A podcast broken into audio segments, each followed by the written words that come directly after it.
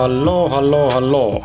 tere tulemast, tere tulemast kuulama Ausad mehed podcast'i, mina olen Kris ja sa kuulad järjekordset episoodi. käes on episood üheksakümmend üheksa, kakskümmend kaheksa detsember, kui ma nüüd ei eksi. ja kohe oleme pöördumas uude aastasse, nii et see on selle aasta viimane saade. ja mul on äh, üks, üks väga-väga äge auväärne külaline, kelleni kohe jõuame ka, aga ennekõike kohustuslikud materjalid. et ähm, kui sa juhuslikult ei tea veel, me oleme sotsiaalmeedias rääkinud sellest, et kui sa juhuslikult veel ei tea, siis me tegelikult alustasime koostööd ausalt mehed podcast'iga. võtsime endale kampa siis sellise asutuse nagu Workland Estonia või Workland Eesti ja täna istume siis Worklandi Maakri, Maakri tänava stuudios ja salvestame siin äh, külalisega podcast'i. ning ma teen väikse sellise sissejuhatuse ka, et siis te teate, kust meid leida edaspidi ja võib-olla ise ka tulevikus, kui soovite kasutada Worklandi Maakri podcast'i stuudiot, siis teate, kus seda teenust võtta saab et äh, Worklandi Maakri on siis inspireeriva disainiga co-working space ehk koostöötlemiskeskus, kuhu on loodud väga mitmed erinevad hubased töötamiseks mõeldud istekohad. siin on lausa võimalik töötada nii privaatkontoris kui ka avatud alal. lisaks töökohtadel on siin köök, kus võimalik endale sööki ja jooki hankida. suuremate koosolekute pidamiseks on siin suur, äh, vabandust, kolm suurt nõupidamisruumi.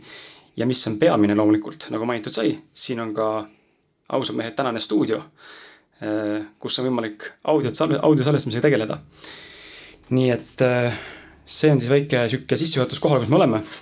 ja, ja minnes aga tänase saate juurde, siis klassikaliselt on meil tavaks rääkida uudistest. Äh, uudiseid väga ei ole mul endal jagada, need tulevad uuel aastal teile, head sõbrad, et äh, palju on toimunud minu enda elus ka enesearengu teemadel just, et ma siin mm, järgnevas saates siis ühe külalisega just rääkisin sellest, kuidas minu esimene hüpnoteraapia seanss siis mis ma üldse võtsin, vastu võtsin, see kuidagi lahendas mingisuguseid siukseid peretagasid just nagu isa, isapoolsel liini pidi ja, ja ja ma olen muidu hästi skeptiline selles mõttes igasuguste vaimsete praktikate, meditatsioonide ja kõige selle ümber, mis see New Age on, nagu te juba teate, te olete mind kuulanud siin, ma olen sellest rääkinud palju. ja, ja täna ma loodan, et külaline, kes mu kaasas on, suudab seda natuke rohkem äh, võib-olla mõtestada kui mina. aga aga hüpnoteraapia osas ma nagu tundsin kuidagi, et äh, ma saan nagu usaldada vähemalt või siis seal ei ole sellist äh, pealesurutud visiooni, vaid lihtsalt on rääkimine ja üksteisega vestlemine ja enda maailma lahkamine äh, läbi inimese, kes siis on professionaalne, kes kuulab sind. ja mul huvitaval kombel siis jah, pärast esimest teraapiat siis hakkas finants liikuma väga tugevalt, et sain kohe töö sain töö, sain erinevad mingisugused koostööpakkumised ettevõtetelt ja, ja üleüldse kuidagi on viimased poolteist kuud on selline äh, kuidagi lihtsam endaga olla, ma tunnen, et ma sain mingist jamast lahti. kas lõplikult ma ei oska öelda, aga midagi sai nagu liikuma ja, ja, ja see on minu ainuke uudis, aga sellest me räägime uuel aastal veel pikemalt, kui ka Martin on mul siin, siin saates koos olemas. nii palju võib-olla ütlen välja, et ausalt, meie podcast tegi ühe suuri, suure muudatuse, et äh, kui te jälgite meie Facebookist juba teate, kui mitte, siis äh, lihtsalt infoks sulle, et äh, tänasest on siis Martin astunud tagasi sellisesse nii-öelda siis Äh, kaassaatejuhi äh, rolli ja, ja mina olen siis äh, vastutav inimene, kes vastutab saadete sisu eest rohkem ja külaliste kutsumise ja kogu selle eestvedamise poolt. et Martin tegi sellise avaliku pöördumise, et see on huvitav, kuidas me käime mingit rada pidi ja siis tegelikult avastame, et kurat, et see ei ole minu jaoks. ja, ja ma tunnist-, tunnustan nagu sind siin, Martin, kui sa nüüd meid kuulad, siis et sealt tuli poiss, et hea, et sa endale, endaga aus oled ja, ja suudad endale otsa vaadata ja selle stressi maha võtta või pinge, mis sul oli kaasnenud sellega, et sa pead justkui podcast'i vedama, et et äh, oluline olla endaga aus ja, ja siis tulevad ka soovitud muutused. aga lähme siis tänase saate juurde, sissejuhatust mul tehtud ei ole. Äh, küll oleme kutsunud täna siis, äh, kui te olete meid kuulanud siin viimase kolme kuu jooksul, suures pildis võib-olla kahe kuu jooksul, siis te teate, meil käis külas Ainar Lepiku nimeline noormees või siis meesterahvas. ja, ja täna on meil siis Ainar Lepiku elukaaslane Anu Pihl. Tere tulemast, Anu tere tulemast ja tänan kutsumast. et äh, Aineri saade on hästi populaarne ja ma juba siin alguses seon selle saate meelega sinu saatega, et ma kujutan ette, et teie mõlema saated võiks olla selline alustala, vundament, et, et saada aru sellest, mis tegelikult toimub ja, ja loomulikult äh, ma tean, et väga raske on seda öelda, sellepärast et inimestel on väga palju erinevaid arvamusi, väga erinevaid äh, seisukohti, et justkui nagu üks tõde nagu olemas ei ole väidetavalt. mina usun, et kuskil see üks tõde võib-olla on. Ähm, ja väga palju on tänases pildis meil selle tõe variatsioone, aga et ma isi, isiklikult nagu tugevalt julgen soovitada ja isegi nagu lausa mingil määral jutumärgis käsin teil armsad kuulajad kuulata need mõlemat saadet, et kui selle lõpetate, siis minge vaadake mõned, mõned kümned saated tagasi ja näete ka Aineri saadet, mis on hästi populaarne ja ja ma ei kahtle ka, et Anu, sinuga täna meie vestlus muutub ka hästi populaarseks. rüüpma teed ka siin korra juurde. sihuke mõnus, mõnus kodune olemine meil. aga enne kui me, Anu, lähme sinuga täielikult selle saate teema juurde ja üldse sellest saad sõna rääkida, kes sa oled. võib-olla küsikski sellise ähm, jätkumõtte selle minu mõttele, et, et äh, sinu saade tuleb huvitav, mis sa arvad, miks, äh, miks on meil see New Age või üldse see vaimsus täna nii äh, aktuaalne võrreldes näiteks sellega, kui ta kümme-viisteist aastat tagasi oli? praegu on lihtsalt selline aeg, kus inimesed ärkavad, on ärkamas nii-öelda oma täispotentsiaali, julgeksin ma väljendada. ja nad lihtsalt äh, hakkavad avastama, et siin on peale selle käega katsutava, selle füüsilise maailma on veel väga-väga palju nii-öelda äh, kas siis arusaama dimensioone. see on, see on huvitav jah, et see ärkamise aeg on kätte jõudnud, ma just üks päev just elukaaslasega rääkisin sellel teemal, et kui me siin rääkisime, minu enda vaimne areng nii-öelda siis ütleme, vaimne areng algas siis äh, üks peaaegu varsti kümme aastat tagasi. Meie ühise tuttava Andero, Andero Pebrega ja, ja, ja siis ma mäletan, kus me rääkisime sellest ja, ja ootasime hetke, millal on see lõpuks siis see kuldajastu käes ja see new age ja millal see on aktuaalne kõik ja täna me lõpuks oleme siin. vähe mulle tundub ühiskondlikus pildis, et hästi-hästi mulle tundub, et isegi kui vanasti oli raske leida kedagi, kellega rääkida vaimsetel teemadel, siis täna on niimoodi, et on võimatu leida kedagi, kes ei oleks kursis mõne või ühe või teise mingisuguse vaimse praktikaga. Et noh, olgu ta New Age või mitte, aga et eh, väga paljud inimesed juba tegelevad sellise eneseteostusega, enesearendusega, vaatavad sissepoole, käivad mingites teraapiates, tegelevad mingite asjadega, eks ole, et see on hästi huvitav, kuidas see on nii nagu massiteaduse läinud juba.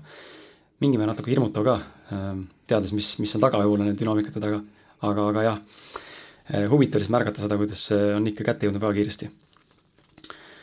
aga lähmegi Anu sinu juurde. räägi mulle, räägi mulle ja meie, meie kuulajatele siis eh, enda sihuke lugu, et toetudes erinevatele suurematele katsumustele või siis nii-öelda eestikeelse sõna siis verstapostidele. et eh, kust sa tuled ja, ja milline on sinu, sinu kasvamine olnud tänaseni välja, et millal hakkas sinu ellu imbuma vaimsus? väga palju küsimusi ühes küsimuses koos, et loodan, et suudan meeles pidada ja kõigile vastata.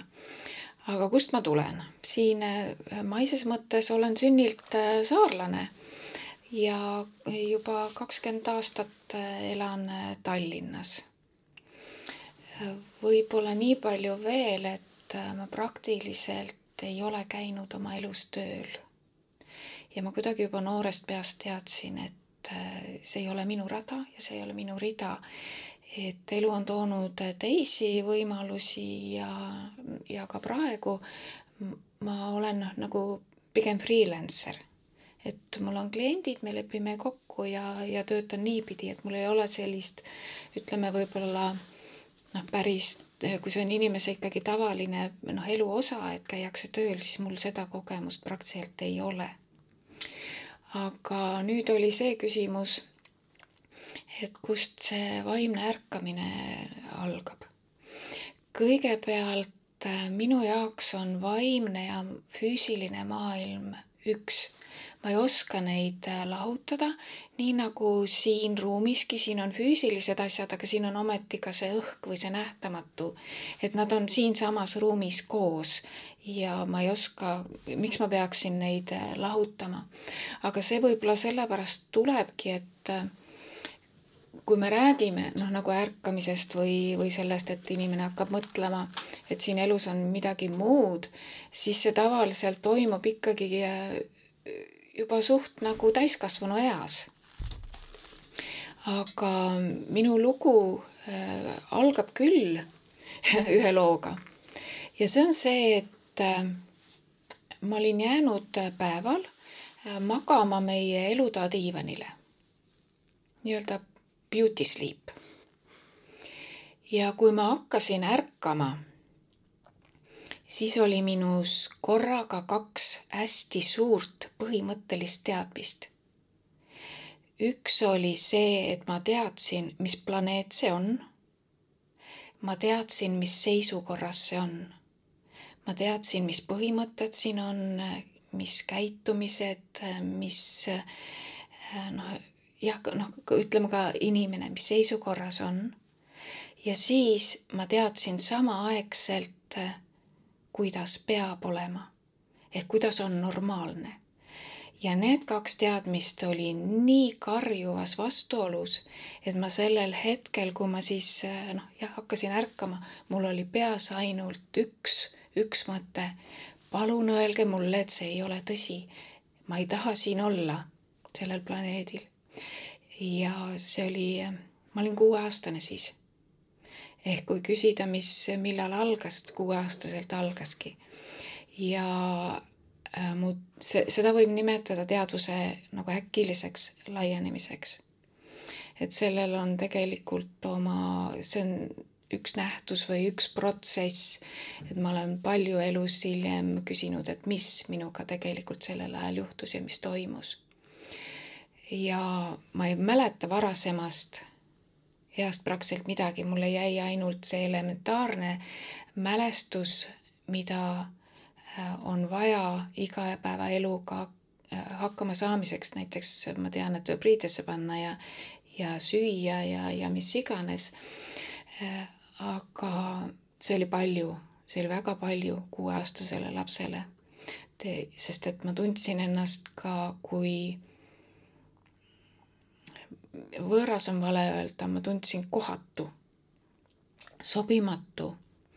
ja tegelikult mul oli, ma olin armastatud oma peres ja hoitud, aga ikkagi ma tundsin, et eh, mul ei ole sellist nagu hingekontakti või kui oli, siis eh, minu emapoolne vanaema eh, elas meie, meie juures ja tema oli nagu see, kelle külge ma ütlen, noh, nii-öelda ma klammerdusin või kust ma sain tuge mm. -hmm. aga ega see sellega ei jäänud. Äh, ma ei tea, millal, mingisuguste aegade tagant hakkas mind külastama, ma nimetasin seda enda nähtamatuks vanaemaks. aga ta oli äh, teadvus, ma ei saa öelda, et tal oleks olnud füüsilist kuju aga kui ma näiteks keskkoolis õppisin vene luulet ja siis just nimelt Puškinit ja siis, kui ma nägin Puškini njanjat, Puškini lapsehoidjat, Arina Rodionanat, siis ma vaatasin täieliku jahmatuse ja sellise äratundmisega. see on minu njanja ehk see on see minu nähtamatu vanaema, et ta oli selline äärmiselt lihtne soe, siis kui ta eh, nii-öelda kohal oli, siis mul ei olnud mitte ühte küsimust, mul ei olnud mitte ühte häda. aga eks ta mulle selles mõttes noh, toeks tuli või, või, või mingi teatud mõistmisi andma. ja see, mis ta mulle rääkis, iseenesest ta ju ei räägi, see on, see on lihtsalt äh, noh, praegu võib öelda võib-olla äkki see on nagu telepaatiline vestlus, et mitte ühte sõna keegi ei räägi, noh nii nagu me füüsiliselt räägime, aga võib-olla siis äkki sisestas või noh, edastas see sõnum, mida ta kandis, oli see, et põhimõtteliselt, et ära nuta, sa oled vajalik. isegi seda ei olnud seal, et ära nuta, vaid äh, ta tasakaalustas mulle seda kohta, et ma ei tahtnud siin olla ja see tundus kõik nii õudne, äh, võimatu ja vastuvõetamatu, et äh, sa oled vajalik. ja igal inimesel on siin oma koht. sa ei ole ei parem ega halvem vaid just nimelt sa oled vajalik. ja veel, mida ta seal korduvalt ja korduvalt nii-öelda manitses, et füüsiline keha on võtmeküsimus. et sa ei tohi panna oma füüsilist keha ohtu. ei saanud sõita sääreväristajaga, poisid sõitsid. minu vend ja, ja naabripoiss ei tohi ronida õunapuu otsa siis uisutada tahtsin kangesti ja kukkusin, sain peapõrutuse ei lähe uisutama ka enam, ei lähe üle tee ettevaatamatult.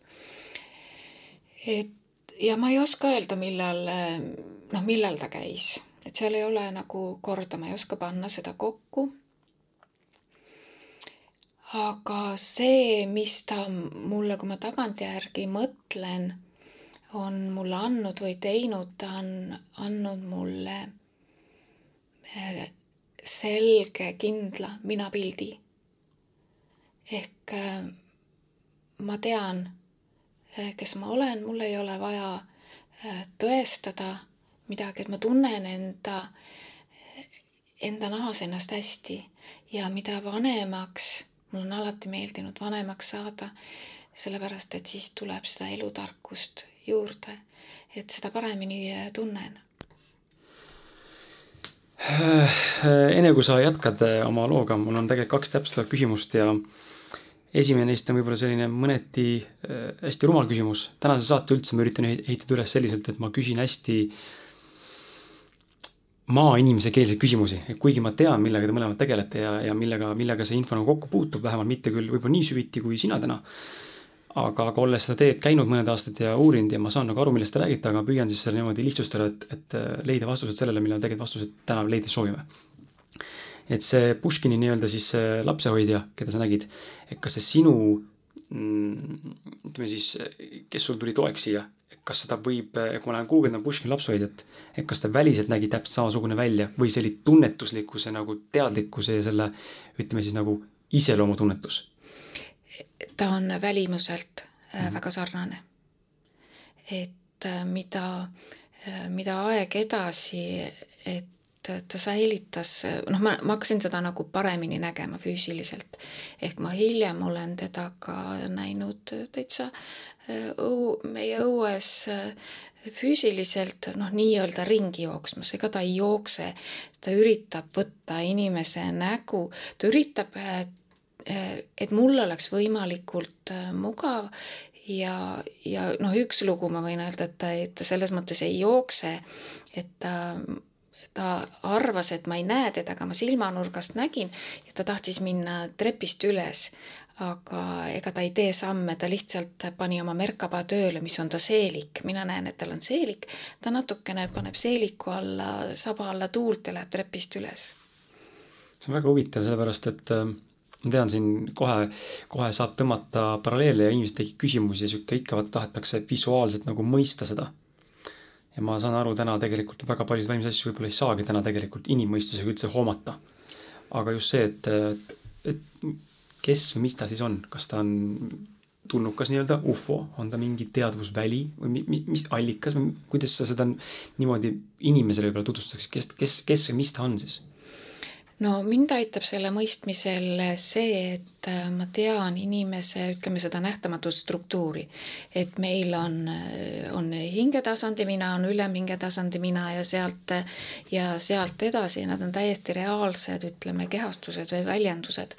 et äh, mina pean teda iseenda üheks variandiks kusagilt, kusagilt teisest reaalsusväljast et ja, ja selles mõttes noh, minu elus on see nagu tänaseks päevaks, ma saan öelda, et tavaline.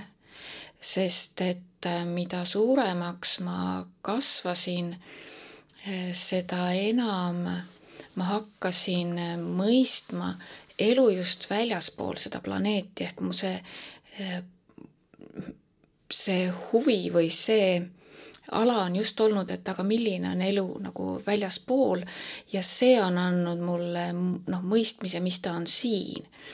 ehk äh, mul on olnud täiesti selliseid ütleme, perioode, kus äh, praktiliselt iga päev siis äh, nimetame teda njanja-njaks, minu njanja ta võtab mind enda struktuuri sees, iseenda selle Merkaba Äh, elava struktuuri sees, ta võtab mind põhimõtteliselt nagu sülle, seepärast et me oleme siin sellises seisundis, et me ei ole ise võimelised äh, rändama äh, väljaspool planeeti, et ta võtab mind nii-öelda nagu oma sülle või oma põlle sisse ja, ja ta viib mind teatud keskkondadesse. aga mitte füüsiliselt siis praegu räägime sellest?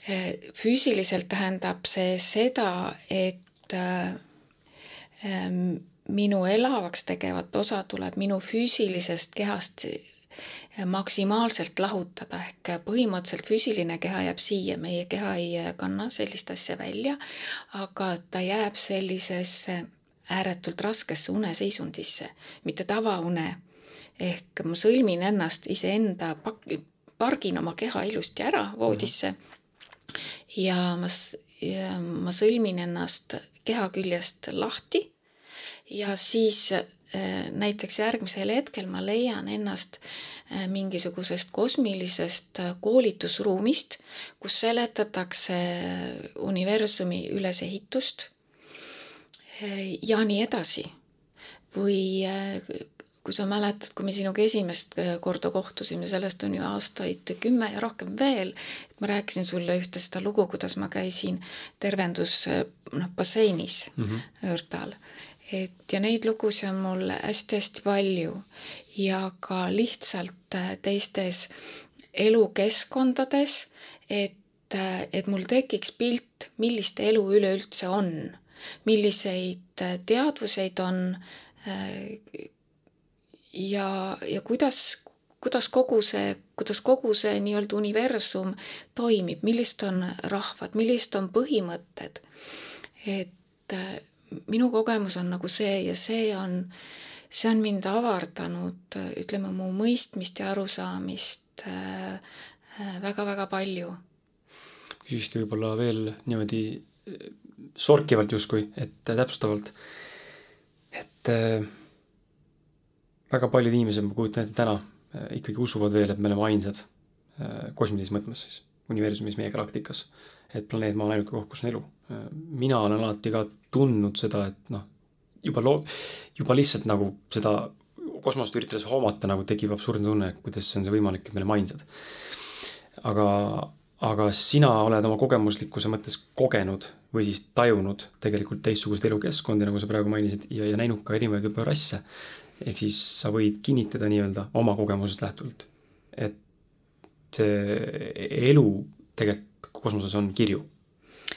see on äh, hoomamatult äh, suur, et kui näiteks minna äh, õhtul, kui on pime välja ja vaadata seda taevast ja neid tähti seal, see on üks milli-millimeeter olemas, olemasolevast. Ja see on paksult-paksult elutäis teadvust, teadvust täis.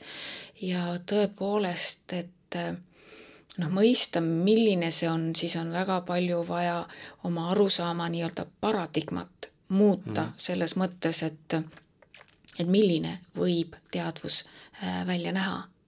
ehk me oleme harjunud, et ta peab olema inimesekujuline ja et ainult inimesel on nii, nii-öelda nagu äh, mõistus peas.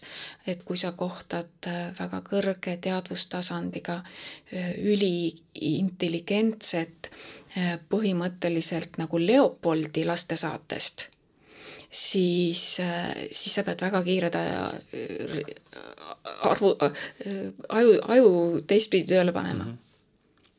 et äh, minu valdav kogemus on praegu see, et äh, kui, kui siin veel mõeldakse, et äh, need teised kosmilised rahvad või rassid, meil räägitakse, ütleme, kas inglitest ja üles tõusnud meistriteks ja ar-, arvatakse, et nad on ilusad, siis äh, minu valdav kogemus on see, et inimese kriteeriumi järgi, mis on ilu, on nad koledad. Et noh, nagu mingi takutuust tuleb sulle vastu või, või on see lihtsalt sfäär või, või merelaine või või tõepoolest äh, igasuguseid äh, karvaseid äh, ja sulelisi, et see on, see, see on meeletu, kui suur see on. see on lihtsalt mask, mis nad siin siis nii-öelda kannavad, et ennast justkui nagu siis õilsamas valguses äkki presenteerida meile või? nüüd sa mõtled, lähed nende inglite ja, no, ja üles tõusnud võtta sellest kinni näiteks jah, et kuidas, sa ütled, et ongi, et inim-, inimsilmal tegelikult on nii-öelda see nagu meie mõistes hästi koledad. aga ometi ju inimesed on, tegelikult on äh, meie mõistes ilusaid ka mm. -hmm. aga, aga see arusaam, mulle tundub, et siin on nagu see üldine arusaam on selline, et äh, see, mis on vaimne, vaimne maailm, et see on kõik üks paradiis ja seal on ainult inglitiivad ja, ja, ja kõik on ilus, tore. Et äh, loomulikult on teistsugust arusaama, aga see on nagu üks mingisugune hästi äh, massiline koht. aga kuigi ma olen käinud valdavalt äh, mu kogemused on nagu head, ehk ma olen olnud nendes õppeklassides ja, ja uurinud erinevaid dünaamikaid, milliseid üldse planeete on, milliseid rahvaid on. et aga ma olen olnud ka pealtvaataja, jälgija, tuvastaja, registreerija keskkondades, mis on kirjeldamatult õõvastavad. Ja just selle mõttega, et äh, kui päris ausalt öelda, siis äh, me oleme manipuleeritud. Ja mitte siin, et mitte siin inimesed ei mali-, manipuleeri ehk valitsus ja, ja, ja muud, noh, nemad ka, aga nad on lihtsalt marionettnukud. et seda orkestreeritakse väljaspool planeeti. ja just, et tuvastada et elu ei ole ainult rand ja roosid, et panna sinna ka see reaalsuse teine pool, siis tuvastada seda käekirja, kuidas inimesega manipuleerida, kuidas, milliseid uusi ala võtteid, trikke jälle teha, et jaa, see on reaalsus. Tõmbame korra siit, mul juba läheb põnevaks, sest mul endalgi on põnev, no see on, minu jaoks on see nii, kuidas ma ütlen ma tegelikult juba väga noorest east alates, kui ma olin juba teises-kolmandas klassis, tegelikult ma mäletan, ma joonistasin mingisuguseid maale teises klassis koos isaga. kunstiõpetuse tunnis kodune töö oli lihtsalt vaba looming. ja ma isaga mingil põhjusel, siis ma ei mäleta, miks, eks ole, aga joonistasime lihtsalt kosmose ja Marsi planeedi ja kaks tulnukat ja mingi ketasene, noh, eks see kuskilt oli juba tulnud nii-öelda siis mulle mälupilti. aga lihtsalt mul on alati olnud huvi nende tähtede ja kõike see kosmose ja kõige selle vastu ja, ja täna ma tunnen, et see on nagu noh, see on nagu nii normaalne teema minu jaoks. see on sama hea, ma räägin vetsu minemisest või magamisest, et siin on, on ufod, siin on rassid, siin on, siin on muud universumi asjad, see on kõik nagu nii tavaline. aga tõmbame see tempo korra maha selle huvitavalt teemalt ja lähme, lähme selle juurde tagasi. aga puudutaks korra ka seda, et äh,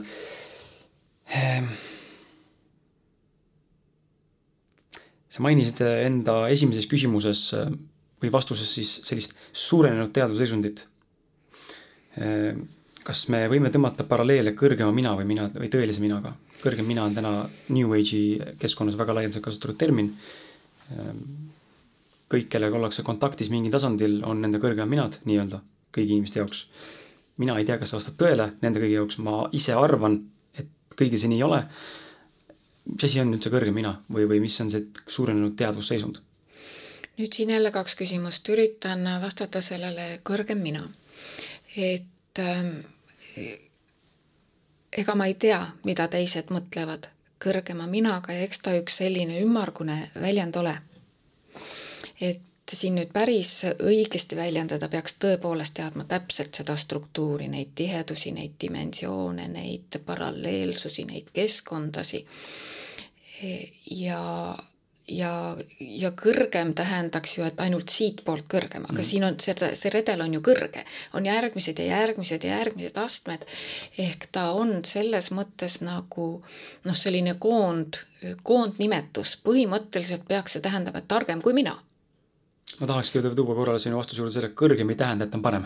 kõrgem ei tähenda, et on parem mm. -hmm. selles mõttes, kui ma isegi ainult vaatan inimesest seda struktuuri ja võtan selle lähtekoha, kelleks inimene loodi, milliste võimetega, kaksteist DNA-d, meil on praegu kaks, ehk me oleme praktiliselt nullis endaga ja, ja võtan selle struktuuri nii palju, kui ma seda adun ja, ja mõista oskan, siis ja see ei ole sugugi nii, et ütleme, et me ei toimi ainult siin sellel füüsilisel tasandil. seal on veel järgmine, järgmine plokk on, mida saab koondnimetusena nimetada hingetasand, saab nimetada ka veel ülemhingetasand sealt edasi, siis on, ütleme, alles see täispilt, mida saab nimetada avatariks. ehk avatar on ideaalkuju kellestki või see algne kuju on avatari tasand. et ja meil on nii-öelda need struktuurivead ka veel ähm, massiliselt hingetasandist rääkimata, äh, üleminge tasandis ja isegi selles äh, avatartasandi noh, nii-öelda alumises, alumises osas, aga seda on võib-olla siin praegu aru, noh, keeruline aru saada mm, -hmm. siis me tõepoolest noh, näitama a la kas piltlikult ja seletama, et siis hakkaks paremini aru saama, mis asi on noh, nagu kõrgem mina, et on ümmargune, ümmargune kontseptsioon kas ma võin, kas ma eksin, kui ma ütlen, et me võiksime tegelikult siin ka sulle, armas kuulaja, sinuga kokku leppida, kui sa siin kuulad, siis hoia avatud meelt, aga aga et see Anu siis äkki kinnitab, kui see vastab tõele, et et võib-olla tänases saates või üldse vaimsetel teemadel äh, süviti mingist asjast rääkides äh, või üldse multidimensionaalse füüsikal peatudes ei olegi võimalik kõiki inimesi täna hoomata. Äh, me lihtsalt ei saa aru sellest, mis see tegelikult nagu, tegelikult nagu tähendab. no loomulikult ei saa, ma ka ei saa ja, ja kõik ei peagi hoomama, kõik ei peagi aru saama, siin on jumalik korrastatus ja jumalik aeg selles mõttes, et igaks, iga äh, iga asja jaoks on oma aeg. Mm, -hmm. kõik inimesed ei saa korraga ärgata, mille pärast, mis see tähendab? see tähendab seda, et me oleme planeedil, planeedil on teatud suurus ja siin on teatud arv inimesi, inimeste arv on alati vastavuses äh, planeedi suurusega see on kindel matemaatika siin, see, miks su jalad puudutavad just täpselt maad, mitte ei ole maa sees või ei, äh, sa ei hõlju ka maapinnast kõrgemale, täp-, see on täpne, äh, täpne arvutus. ja siin on energiastruktuurid ja kuna meie planeet ja kogu see energiasüsteem on kahjustunud, saab öelda, et näiteks need on nagu vanaaegsed, äh, veneaegsed elektrijuhtmed kui nendesse panna kõrge pinge, siis me teame, mis juhtub. ehk kui me nüüd tahaksime, et raksuga kõik inimesed korraga äh, nii-öelda teadvustasand suureneks, see ärkamine ei ole mitte midagi muud, kui sul on rohkem ligipääsu iseenda äh, arusaamadele. mitte midagi ei ole kunagi mitte kusagil tegelikult väljaspool, vaid ta on absoluutselt sinu sees ja kõik see algab sinust, algab kontaktist endaga. aga aga noh, seda käekirja on nagu palju, et kui mina saan midagi teada, siis ma tahaks, et oh, saaks see inimene ka ja, ja lähed nagu peale suruma. et äh, nii või, nii võib planeedi plahvatama panna. et siin on, siin on nii põhjalikud kokkulepped äh, inimeste vahel, kes on siia planeedile kehastunud mm. -hmm. ehk me oleme kokku leppinud selle, et vot a la näiteks mina hakkan kõigepealt aru saama, siis ma tean, kui on õige aeg, siis ma tulen tonksan sind ja niipidi edasi ja siis on kokku lepitud, aga tead, ma magan veel kakskümmend aastat sinna otsa. ja me seda ei usalda väga tihti ja tahame minna teistele kuulutada.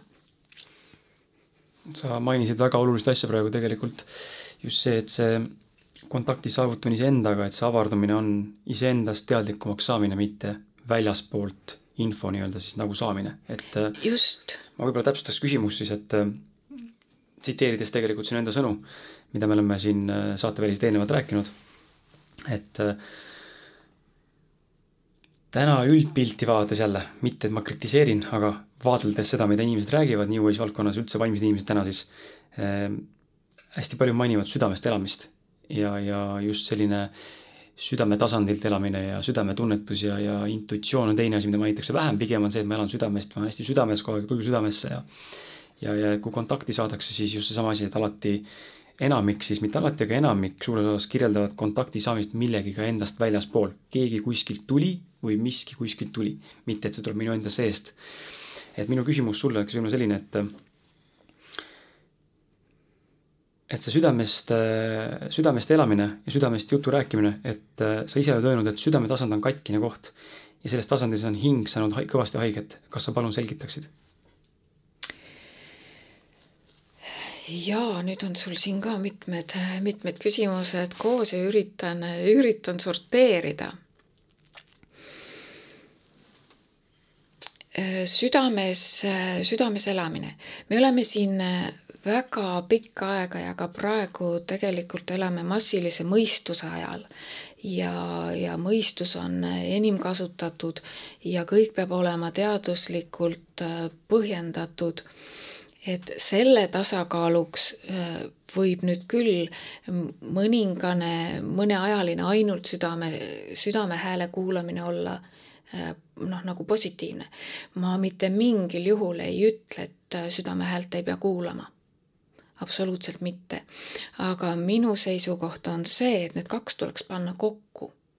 sest kui ma nüüd jälle võtan ainuüksi selle struktuuri, et siin on inkarneerunud tasand ja siin on kolm dimensiooni, üks, kaks, kolm dimensiooni. dimensioon on ulatus, mis tähendab pikkus, laius ja kõrgus. väga loogiline, et ruumi moodustab pikkus, laius ja kõrgus, ehk see on üks ruum. ja siis on järgmine ruum ja, ja samamoodi seal on pikkus, laius ja kõrgus, seal lihtsalt dimensioonid, dimensiooninumbrid on neli, viis, kuus ja seal on väga-väga palju rohkem energiat. ehk kui, kui ma toon ühe näite, et näiteks siin laser on neljanda äh, neljanda dimensiooni energia ja kui peen ja ülivõimas on laser või kui äh, rääkida alateadvusest, kui palju on tehtud neid arvutusi, kui kiire on alateadvus ja ku, kuidas ta meiega manipuleerib, siis alateadvus on äh, valdavas osas tegelikult kuuenda dimensiooni äh, purunenud materjal. ehk minu teadmine on see, et inimene on pärit planeedilt Taara ja üldsegi sellest hõredamast keskkonnast. Mitte nii füüsiline siis? mitte nii mhm. füüsiline, sutsu, sutsu hõredam, aga meie valikute tõttu seal taaral ehk me tahtsime vaimset arengut kiiresti ja kähku. seal hakati mängima energiadünaamikatega ja teatud kristallgeneraatorid ei tuntud, ei tuntud energiadünaamikat ja ja seal tekkis plahvatus. nii et taara plahvatas ja me sõna otseses mõttes kukkusime alla kildudeks. ehk me oleme, me kukkusime tihedamasse keskkonda ja tohutu pika aja jooksul siis planeet ja päikesesüsteem pani ennast uuesti kokku. nii et äh, see päikesesüsteem, mis me siin praegu teame planeetidena, et see on kõik taaratükid. ja ka siis, kui toimub selline hästi suur planeedi plahvatus siis äh, läheb ka äh, elanike see struktuur läheb puruks, see ei ole lihtsalt, kui me mõistame siin, et sureb ära, vaid kogu kosmiline struktuur, noh, mitte nüüd kogu, aga nii suur, kui see plahvatus on, ta lööb tükkideks meie struktuuri. sellepärast ma ütlen, et see hing on ja meie struktuur ka väga-väga palju ülespoole on purunenud. ja mis me siin teeme, me paneme seda uuesti kokku aga nüüd sa küsisid hoopis midagi muud, kuhu mina oma jutuga jõudsin. kas sa tuletad mulle meelde? jaa, et seesama, et see südames elamise nagu et kuidas seda viia, viia tasakaalu? jaa, kuidas seda tasakaalu saavutada, et minule öeldakse väga palju, et ma olen hästi mõtteinimene, millega ma kindlasti nõustun. mulle meeldib äh, informatsiooni sellest aru saada eriti kui me räägime näiteks mm -hmm. pühageomeetriast või millestki, mida ma näen, mul lööb see pildi visuaalsemalt kokku ja pluss ma arvan ka siin ma toon alati see näite inimestele, kui inimesed küsivad, et miks ma mõnda õpetust näiteks nii-öelda või siis noh, õpetust, näiteks nagu vabadusõpetus näiteks on ju, või midagi muud veel, millega ma resoneerun, miks ma seda nagu promon ja miks ma nagu samal ajal ütlen, et näed, see teine asi on halb, noh, nii just nii piltlikult öeldes. ja ma alati üritan seletada seda asja sellisest vaatevinklist, et kui ma olen esimese klassi laps ja, ja mul on see mingi kindel ainevalik ees ette antud ja, ja see on kõik, siis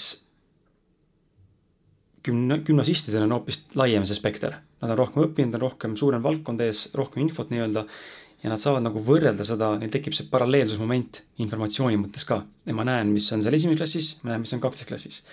ja kui üks allikas nii-öelda suudab mulle siis nagu, ma ei mõtle allikat kui nüüd seda jumalikku allikat, vaid allikas kui materjal, suudab mulle seletada või selgitada arusaadavalt nii palju ma saaksin aru ja mõistaksin, et ahaa, siin on midagi enamat, siin on vastused küsimustele, millele küsimustele vastused esimeses klassis näiteks ei ole materjali juures, siis minus tekib see usaldusväärsus. ja samal ajal mul on ka hästi tunne, tugev tunnetuspõhisus, aga see on natuke teistsugune, ma ei ole selles mõttes klassikaline vaimne inimene justkui nii-öelda jutumärkides ja ma nüüd ilgelt olen siin kuidagi, et oo, zen ja silmad kinni olen ja ma ei ole selline inimene. aga minus on mingi, mul on intuitsioon ja et kontakt, eh, ma ei saa öelda, et iseendaga, ma ju ei tea, millega lõpuks mu kontakt on, aga mingitel hetkedel seda on küll viimastel aastatel üha rohkem ja rohkem, aga see on hästi tugev, hästi tugev sisetunne, nagu sihuke sisemine teadmine või teadmus. kes ma olen, miks ma seda teen, mida toob see valik, mida see valik mulle ei too ja ma usaldan seda. ehk siis mul on natuke teistsugune, aga ma olen väga mõtteinimene. ja ma tean, et see on paljude inimeste jaoks on, on mul konflikte tekitanud see just nende inimestega, kes on hästi sellised südamest elavad. et kuidas leida tasakaalu siis? ja, ja miks see on, jah, kuidas leida tasakaalu? et äh, kõigepealt äh, minu arusaam, et noh, miks nagu mõttetasand on äh, oluline. see mõttetasand või mõistuse tasand, üks osa meeletasandist, aga meel on meelsus ja kui ma võtan jällegi, kas või ainult üritan tehniliselt seletada, mis peaks meestele nagu eriti hästi sobima, on see, et meie nii-öelda see kosmiline anatoomia koosneb kihtidest. siin on minu füüsiline keha ja siit hakatakse edasi juba, kes näeb, hakkab nägema aurat, aga sellel aural nii-öelda, ma olen nimetanud ka seda valguskehaks, sest et teda füüsilise silmaga üldjuhul ei näe või enamus ei näe, et sellel on kihid. Ja nendel kihtidel on oma ülesanne. Ja nendes kihtides on äh, salvestunud ja neil on oma funktsioon, nendesse kihtidesse on salvestunud äh, teatud materjal. näiteks meil on tunnete kiht, võib öelda tunnete tasand või, või äh, emotsioonid, kus meie tunded asuvad. ja siis on täiesti reaalselt see meeletasand, mis omakorda jaguneb veel ütleme, kas noh, täiesti ratsionaalne mõistuse tasand, loogiline mõistuse tasand, aga nad on erinevad kihid. ja ener-, see, et ma ennast hästi tunneksin, peab energia liikuma. aga kui ma mõistusega millestki aru ei saa, siis see tähendab, et seal on plokk. ja siis, kui ma mõistan, siis käib see ahaa aga see tähendab, et energia hakkas liikuma ja kogu minu struktuuris energia liigub ja see muutub tervikumaks ehk ma muutun elavamaks nii-öelda et see on minu seletus, ma ei, kui mulle keegi suudaks ära seletada selle, miks see mõistus siis üldse olemas on, kui seda ei pea kasutama mm. -hmm. selle jaoks on ju spetsiaalsed asutused, kes on kaotanud siin oma mõistuse. Et kuidas seda mitte kasutada. Ja kui ma võtan veel struktuuri siis inimese see hingetasand, see tähendab, hing on naine. Need on tunded, need on hästi äh, suur armastus, noh, süda on, aga see on naine. Ja siis sellest üks tasand kõrgemal pool, kui me rääkisime ülemhingest, seda võib öelda ka see on vaimutasand, on hingetasand ja vaimutasand, siis see vaimutasand ongi see väga suures osas see meel ja meelsus ja tasakaal ja see mees ehk minu jaoks on igal juhul tulemus parem, kui panna kokku naine ja mees. ehk ma korjan iseendast kokku selle naine ja mees ja panen selle. mind on eluaeg saatnud või no eluaeg ei ole sellest ajast, kui ma seda lauset kohtasin. see oli aasta üheksakümmend viis tegelikult, kui ma hakkasin lugema luuleviilmat. ja tema aitas mul panna ka kokku teatud, kuidas mõtted midagi tekitavad, seda struktuuri. seal on palju asju, millega, mitte palju, aga seal on asju, millega mina ei ole tänaseks päevaks luuleviilmaga nõus, aga see, see ei loe. aga luuleviima oma viimase raamatu viimasel kaanel ütleb põhimõtteliselt, ma ei mäleta, kuidas see on äh, seal kirjas, ära usu mitte kedagi ega mitte midagi, vaid korja kokku oma mõistus, liida sellele oma süda ja siis vaata. ja et see on, see on see, mis on mind nagu saatnud läbi elu ehk kaks kokku pannes, sest kui nüüd võtta tõepoolest ja vaadata seda hingetasandit, mis see tähendab, et hing on katki? aga see tähendab seda, et me oleme vihased, me oleme pahased, me solvume, äh, küll me arvame, et me oleme väärt ja siis me ei ole väärt ja kogu, kogu see äh, emotsionaalne mäng.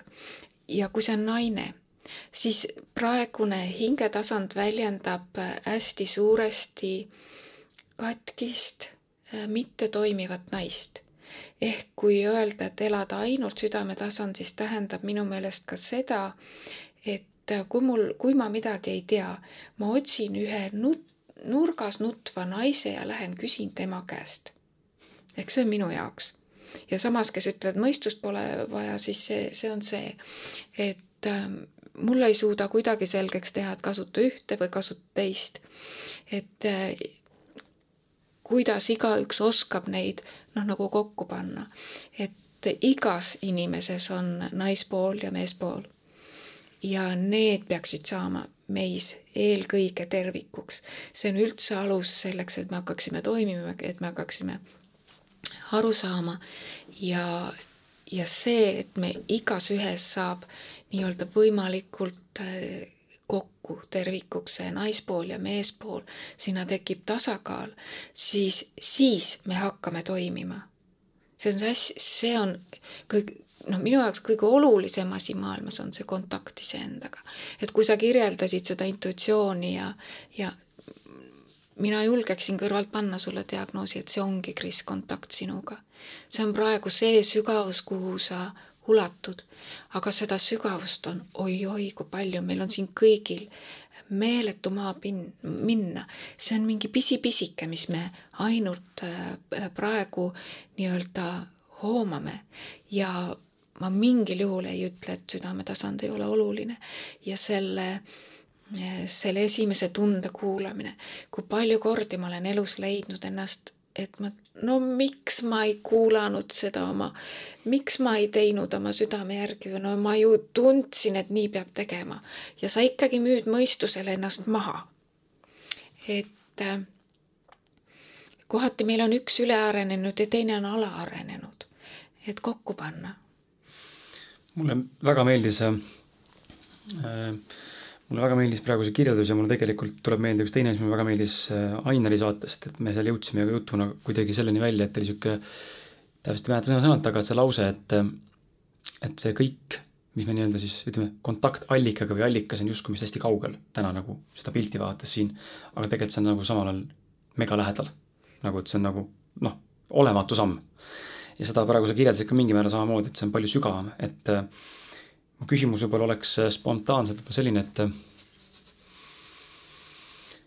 et äh, minu puhul näiteks, ma toon näite, ma oskan äkki siis paremini sõnastada küsimust, et kui mul see, on see tunne ja minu küsimus viib siis hiljem ka sinu järgmise küsimuseni, mis, mis kunstiga sa tegeled, aga aga et selle, selle südame kontakti korraks enda, iseenda kontakti juurde tulles, et kui ma olen mingitel hetkedel ja see tuleb just loovat asja tehes mul, just kirjutamine või, või kirjutamine väga tihti on see, mis ma tunnen, et on, on see, millega mul juhtub see